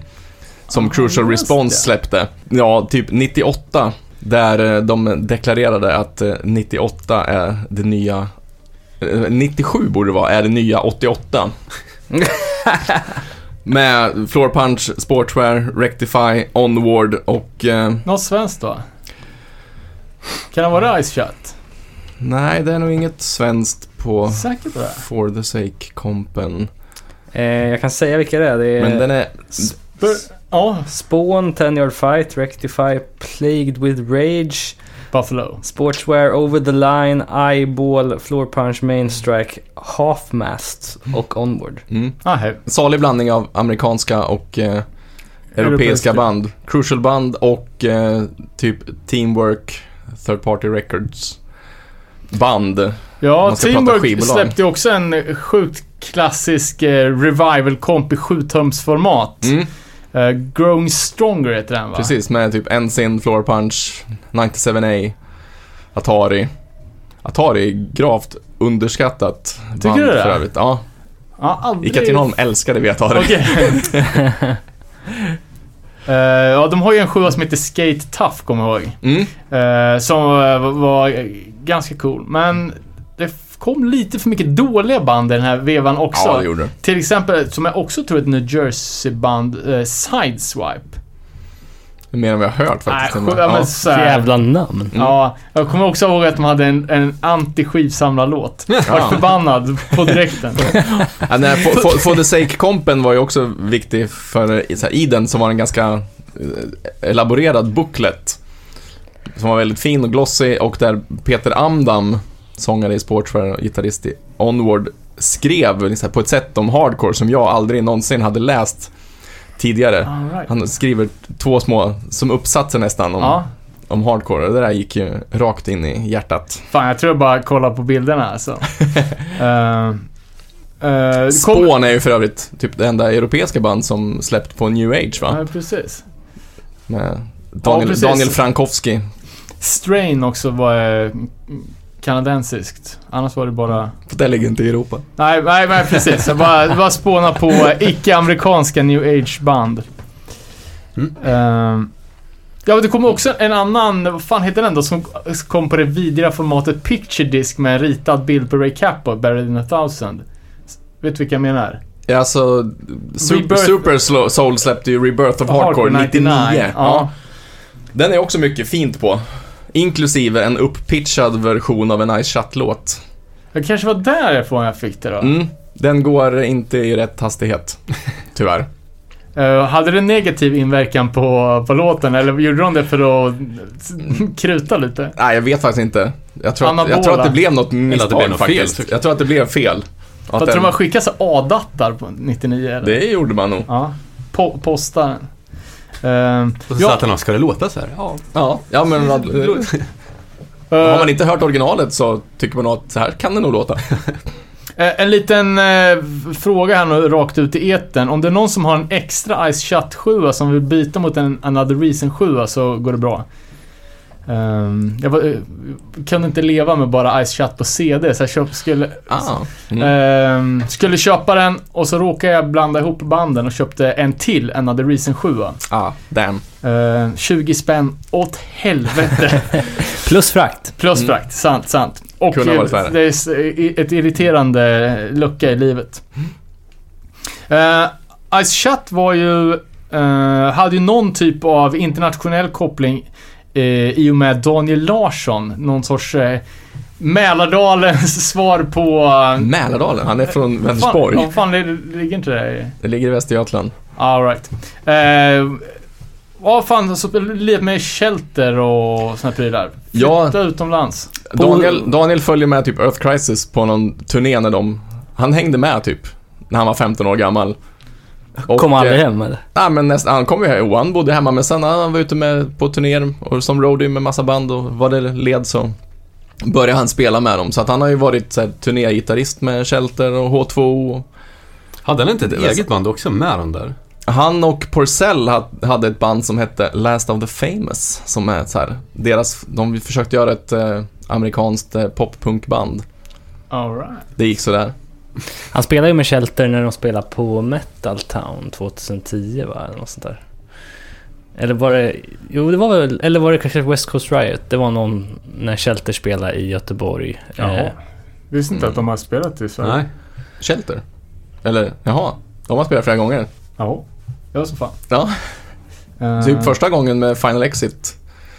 Det var väl svensk... Jaha, jo, jo, men då, just det. Ja, ja, ja, jag tänkte... ehm, Ja, precis. Jag Och tänkte sen senare. Och sen i Linköping och ja, Between Us och Shelter eh, gjorde en sån här mini-turné.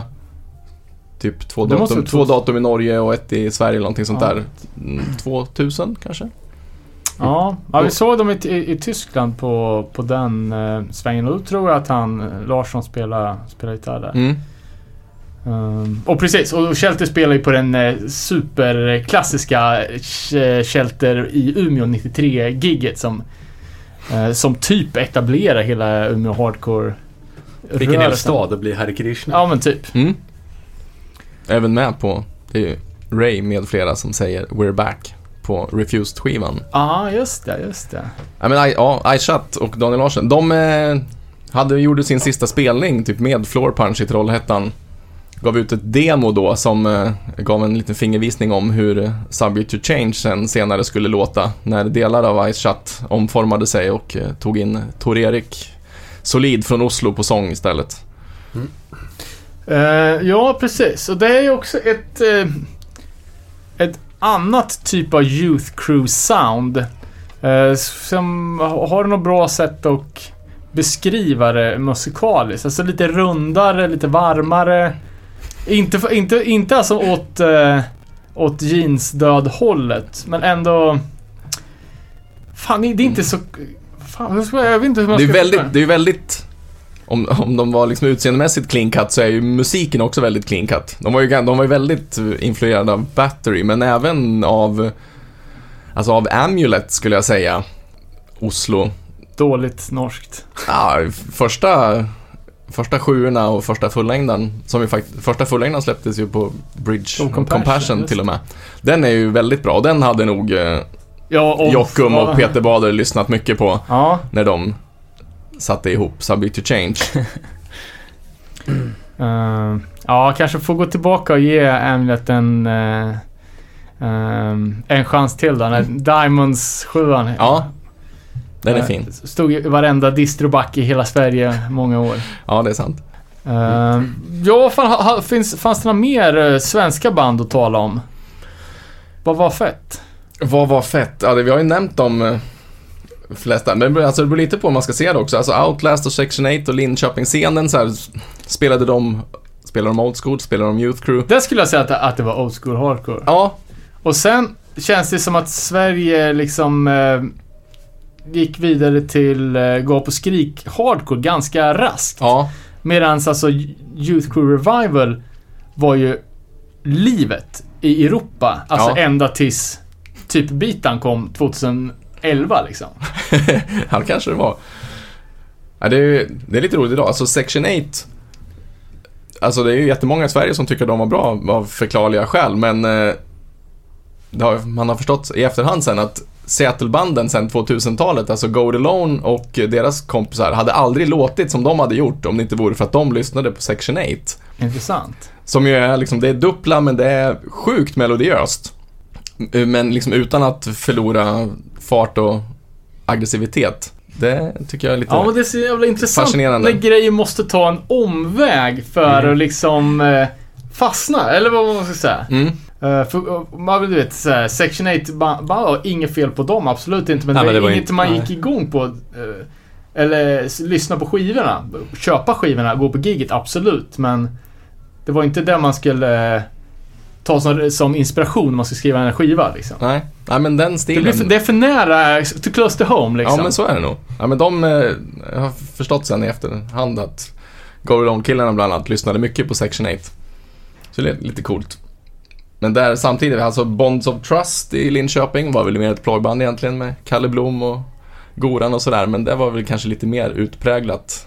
Alltså f- flörta med floor punch Ah, ja. stuk. Eh, Annars så, hur, och hur, hur ska man placera till exempel Final Exit?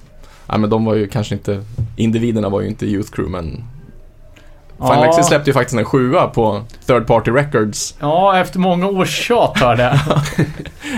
Lite udda. Eh, Och Third Party Records är ett utpräglat Youth Crew. ja, vad har de släppt mer då? Nu satte du mig på pottan. Men eh, alltså, första Fast Break, bland annat. Och eh, sen lite senare så släppte de ju så här Far From Breaking och jag tror R-Turn och andra som väldigt eh, så här 2000-tals utpräglade Youth Crew-band. Ja. Fan, det är ju ett litet svart hål för mig. Um, alltså, jag vet inte om det bara var så att hardcore jävligt dåligt eh, under alltså stora delar av 2000-talet. Du lyssnar väl bara på beatdown då, så att... Ja, inte... Ja, för- jag tror nästan innan biten. Men jag tänker liksom... Ja, men när jag bara lyssnar på band från Finland och gammalt. Men alla de här liksom Go It Alone, Verse, alltså... Aldrig ens fallit mig in att, att eh, lyssna på. Nähä. Nej, Go, det Go. It Alone är bra, Verse är ju Ja, okej, mediokert. okej. Go It Alone har jag, har jag ändå gått och sett liksom. Men jag tycker det var så jävla... Hela den här med till exempel... Uh, vad fan är det? Rivalry Records som släppte, ja men du vet Mm. Soul Control, totalt sömnpiller, Allegiance, som folk Mm. ändå Ja, Allegiance mm, spelar ju asmycket i Sverige. Ja, och so- Soul så bra. Control också. Ja. ja men då, ja, de släppte ju andra saker som jag tyckte var bra. Gud, vad heter de nu Another Breath tycker jag är svinbra till exempel. Det är ju faktiskt bra. Ja, Men där, det missar jag totalt. ja okej. Nej men förlåt, de, de hette Rival Records först och så fick de inte heta en annan anledning. Så blev det. Rivalry. De släppte en hel del bra där under 2000-talet.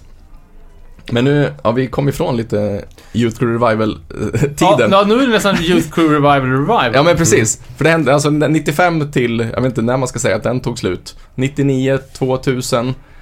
Ja, alltså i Sverige snabbare och eh, Ja. i... För då liksom, Floor Punch, Hands Tied, Ten Yard Fight, In My Eyes, alla de där. Bane kom ju då, får väl liksom egentligen sägas vara någon form av del av det här från början. Även fast de hade harvat sedan 95. Ja, de började Har du 95. gjort det? Ben Schust, de spelade, trummor på första sjuan, spelade ju bas i Battery och spelade även i Ten Yard Fight. Så det var ju ganska, ganska mycket inavel banden emellan och sådär. Men någonstans där runt 2000, då, alltså då tog banden lite olika vändningar. Dels så kom ju i efterhand kan jag tycka att American Nightmare kom och förstörde saker. Bridge 9, Men, det tänker jag mig absolut inte som Youth Crew. nej fast de var ju, alltså det var ju Youth Crew band. Det är alltså, väl folk från ju, Ten Yard Fight också?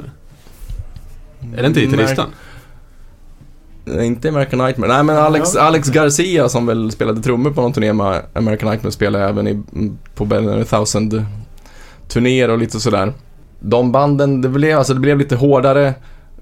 Inte riktigt samma positiva budskap längre kanske. Särskilt inte om man tittar på American Nightmare och, eller Give Up The Ghost. Men det var ju fortfarande Alltså i den här Count Me Out kom ju till exempel i början på 2000-talet. Ja, men det var ju ett band som... Som är ju det- svinbra och Indecision släppte ju ganska mycket bra duppla skulle jag säga. Men det är ju liksom lite hårdare och samtidigt lite mer melodiöst. Men som Count Me Out bestod ju till typ tre femtedelar av Time Flies. All right. Som ju hade varit ett utpräglat Youth Crew-band.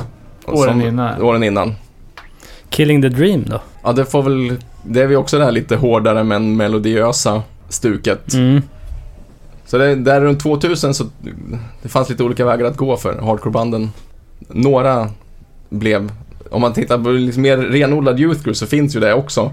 Men eh, det blev lite mer diversifierat. Alltså Champion släpper sin första sjua 2001 tror jag det är. Ja, men det är ju... Där, där har vi ju eh, jävligt klassiskt sound. Mm. Och svävar ju inte ut så mycket heller vad jag kommer ihåg. Nej, det blir väl lite mer övertoner. I alla fall inte så. musikaliskt. Sen Nej. var det lite privata utsvävningar. Å andra sidan tycker jag att eh, Champion, jag vet inte, det hade säkert tagits tidigare, men just den här grejen med att ha så jävla feta låtar med både melodier och gang vocals som verkligen ja, stod i centrum av både refränger och sånt liksom. Har vi väl Strife att tacka för Ja. till att börja med. Men eh, När fan kom First Step då? ja, Det är väl superklassiskt. några år senare, en bit in på 2000-talet. Och där just det, nu glömde vi nämna under 90-talet så fanns det ett av de här lite mer dussinbanden då, Reinforce. Ja, eh, två sjuor. Två sjuor. Thug- for Youth och Youth, youth Shall Sing. Ja, One Life Thug Free heter väl den här.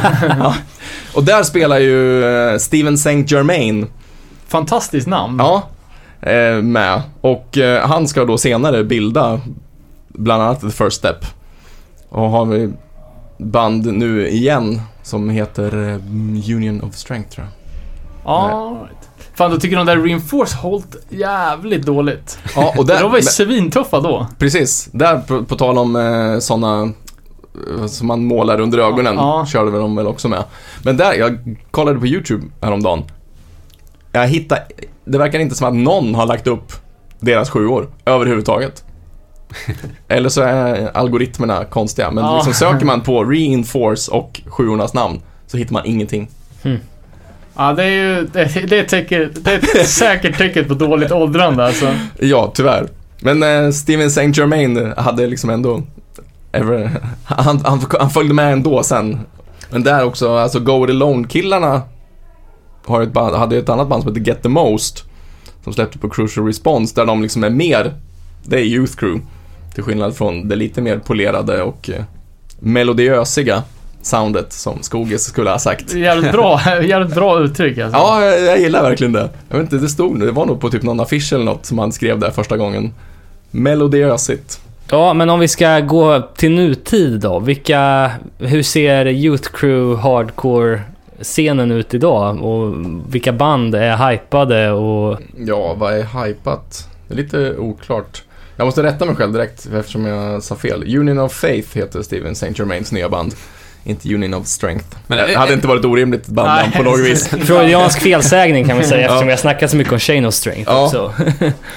Ett nytt Crew-band som var jävligt hypat är väl Mindset. Ja, precis. De är så nya så att de har till och med lagt De har av. redan lagt ner, precis. Ehm, Kanske till och med två. Ja, förra året i alla fall gjorde de väl sin sista turné. De spelade i Sverige där 2011 eller 2012 eller någonting. I alla fall Mm. i, i Lund vet jag, jag var så i dem. Eh, Men då hade de ju precis släppt sin eh, eh, fullängdare som jag inte kommer ihåg vad den heter men som var så jävla bra. Mm, den är svinbra. Lite spridda skurar har jag. Jag har aldrig riktigt gillat dem, allt, det är så... Det är inte bra, det är inte dåligt. Det är bara ät. Ja, jag tycker det är svinbra. För jag, jag har för mig att, eh, och håller med dig David, att det är lite så här eh, Slätstruket. sl- slätstruket, men att det då och då dyker upp. Jag sa, vad det här mindset? Det här var ju pissbra. Och sen försöker man lyssna på det igen och sen så hittar man inte riktigt det där. Ja, Det är jag säkert håller- bra, det håller är säkert med. en själv det är Mm. fel på. Men Ja. Nej men om man pratar nya band så finns det ett brittiskt band faktiskt. Det finns inte så många bra engelska hardcoreband, men Insist, väldigt influerad av Mindset, har varit i Sverige ett par gånger faktiskt. Ja, det finns ju så mycket. Dels engelska band och sen så alla heter ju liksom Intent, Insist. Ja, Alltså... Mm. Leave No Doubt heter Mindset-skivan. just det. Som är bra. Eh, Eh, men Insist, de har bara släppt en, en sjua va? Det kom en, ja, de har släppt ett demo och så Demo? kom den sjua nu Ah. bara här för några veckor sedan, lite försenat. Just nu minns jag inte vilket bolag tyvärr, men... Alright, för de ska ju... Det är säkert... eh, Vad heter de?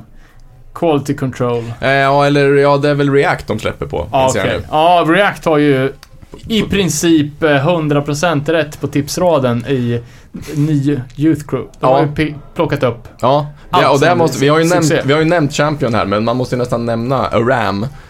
Som ju var gitarrist i, i Champion. Aram Arslanian. Ja, precis. Spelar Han gitarr i Champion och i... sjunger i Betray, Betrayed. va? Ja. Väldigt Oj. speciellt utseende. Lång, eh, totalt skallig med stora briller. Då Ja. vet alla vem det är. Ja, Säkert tatueringar också. ja. Och eh, grundare av React.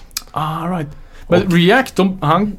Start, det startades av en person, så gav han bort det till någon annan mitt i, tror jag. Ja, jag för mig att det är väl typ Mindset-killarna som tog över. Eller någon, Ah. någon i Mindset. Så han har, var väldigt viktig för hardcoren under liksom 2000-talet i att släppa liksom Youth Crew-band.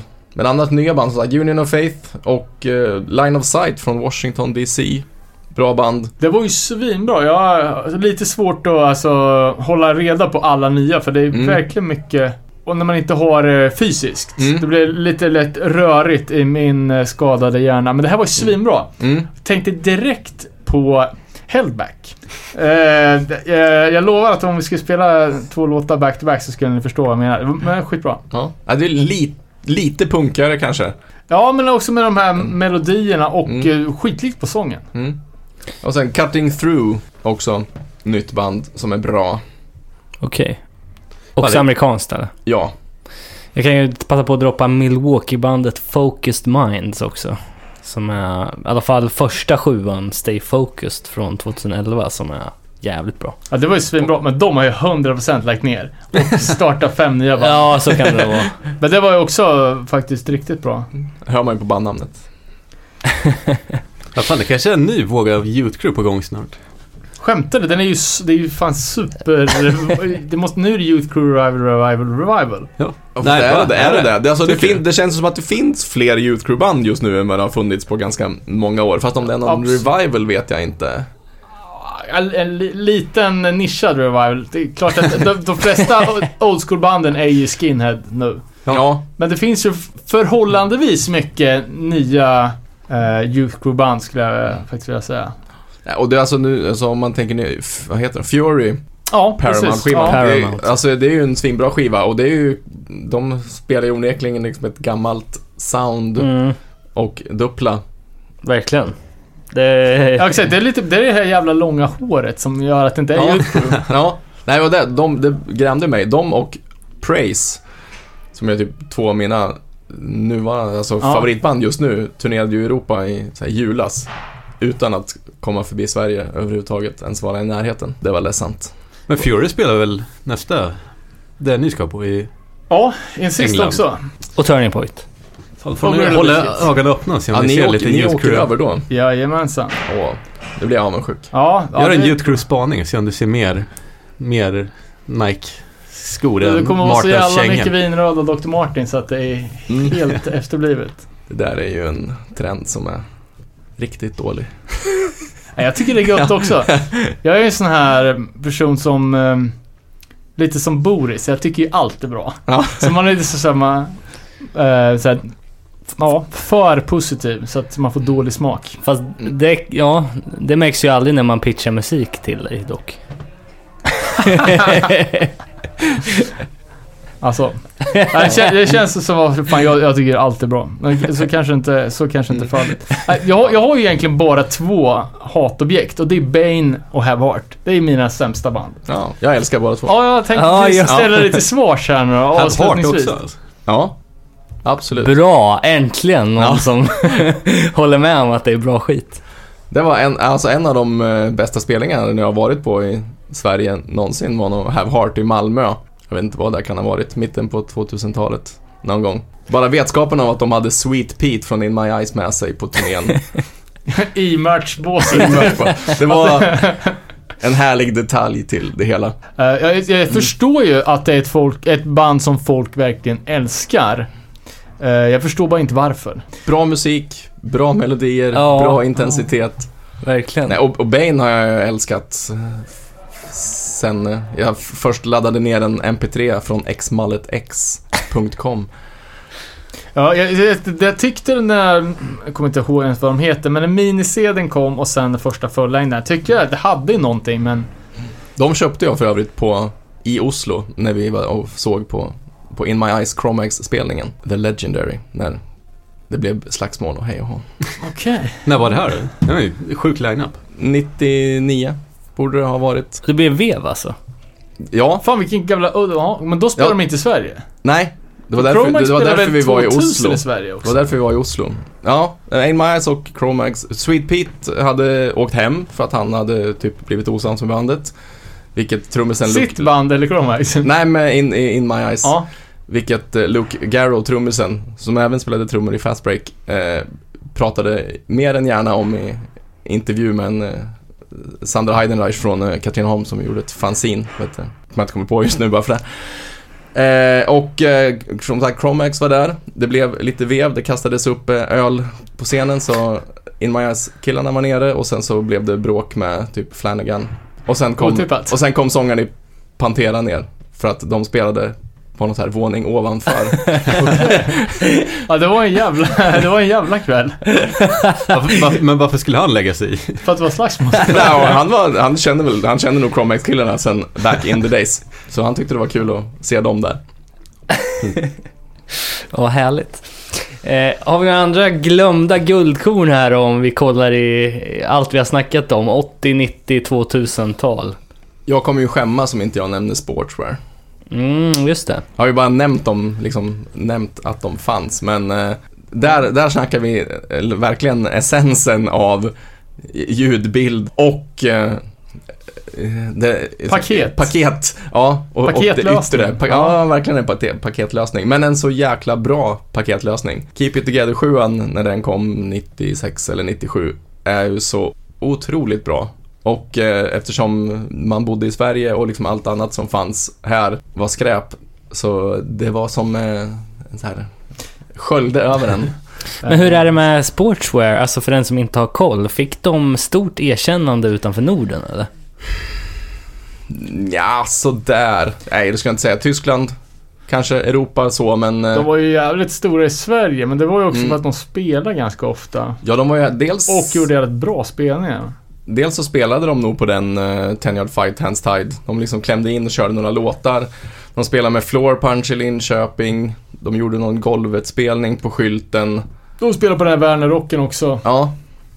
Så att de var ju här ofta och då, då blir man liksom populär. Uh, snarare att de, att de var liksom kända på det personliga planet än som band. Ja, Men man har ju sett på senare tid, ja, efter, eh, efter Peters bortgång, liksom att det har ju lyfts till skyarna som fan. mm. ja jag tycker det är Eh, jag, otroligt bra. jag tycker for Pete's sake, som jag ignorerat totalt i början och bara plocka upp på random, tycker jag också in i helvete bra. Mm. Ehm, det finns någon sån, uh, sån jäkla känsla. Ja. Jag är ju riktigt slipade musiker. Duktiga på alla sätt och vis. Kan leverera. Ehm, vad säger du om bandnamnet då? Det är ju både cheesy och cheeky. Eller hur? Ja, exakt. Det, det är ju det, är- det är ett bra ord, men det är, innebörden blir lite, lite B liksom. Ja. Nu får vi se. De, det verkar ju som att eh, de övriga killarna har varit i studion nu och spelat in någonting nytt. All right. I någon ny konstellation. Oklart vem som eh, ska leverera sång, men eh, Kim och Arne och Espen har i alla fall suttit i studion sista tiden. Spännande. Mm. Nervöst höll jag på att säga. Nej men fan, då kanske vi bara får säga stort tack till Martin som var med och eh, tog oss igenom 80, 90 och 2000-talets bästa Youth Crew. Eh, det är väl ett ämne som vi lär komma tillbaks till igen. Det känns som att Ja. man det alltid blir så svepande liksom. Mycket nämnt, men eh, mycket glömt. Exakt. Sant, sant. Vi skulle ju kunna ha hållit på bara åren 86 till 91 om vi hade velat. Vi skulle kunna bara snackat om Känna Strength. Helt klart. Eh, kan, kan vi inte få en, en, eh, sista önskelåt då? En sista önskelåt. Den som dyker upp i huvudet så här är Better than a thousand self-worth. Då kör vi den och så säger vi stort tack för att du var med. Eh, och eh, till våra lyssnare, ha det gött. Vi finns på nerepanol.se eh, och sen så ses vi igen om ett tag. Checka vår nya YouTube-kanal också. Ja just det, det måste vi säga och något om också ja. Kommer väl upp kontinuerligt med, med videos där är tanken. Vi får se när det blir nästa gång. Men det finns två avsnitt av eh, rekommendationer, eller vad, vad är det vi kallar det? Guide till reabacken. Guide till reabacken, ja just det. Bra sist, helt klart. Ja, kul. det finns också, det finns på YouTube i alla fall. Bara söka på Nere på Noll podcast. Bra, ha det fint då. Hej! Hej! Peace.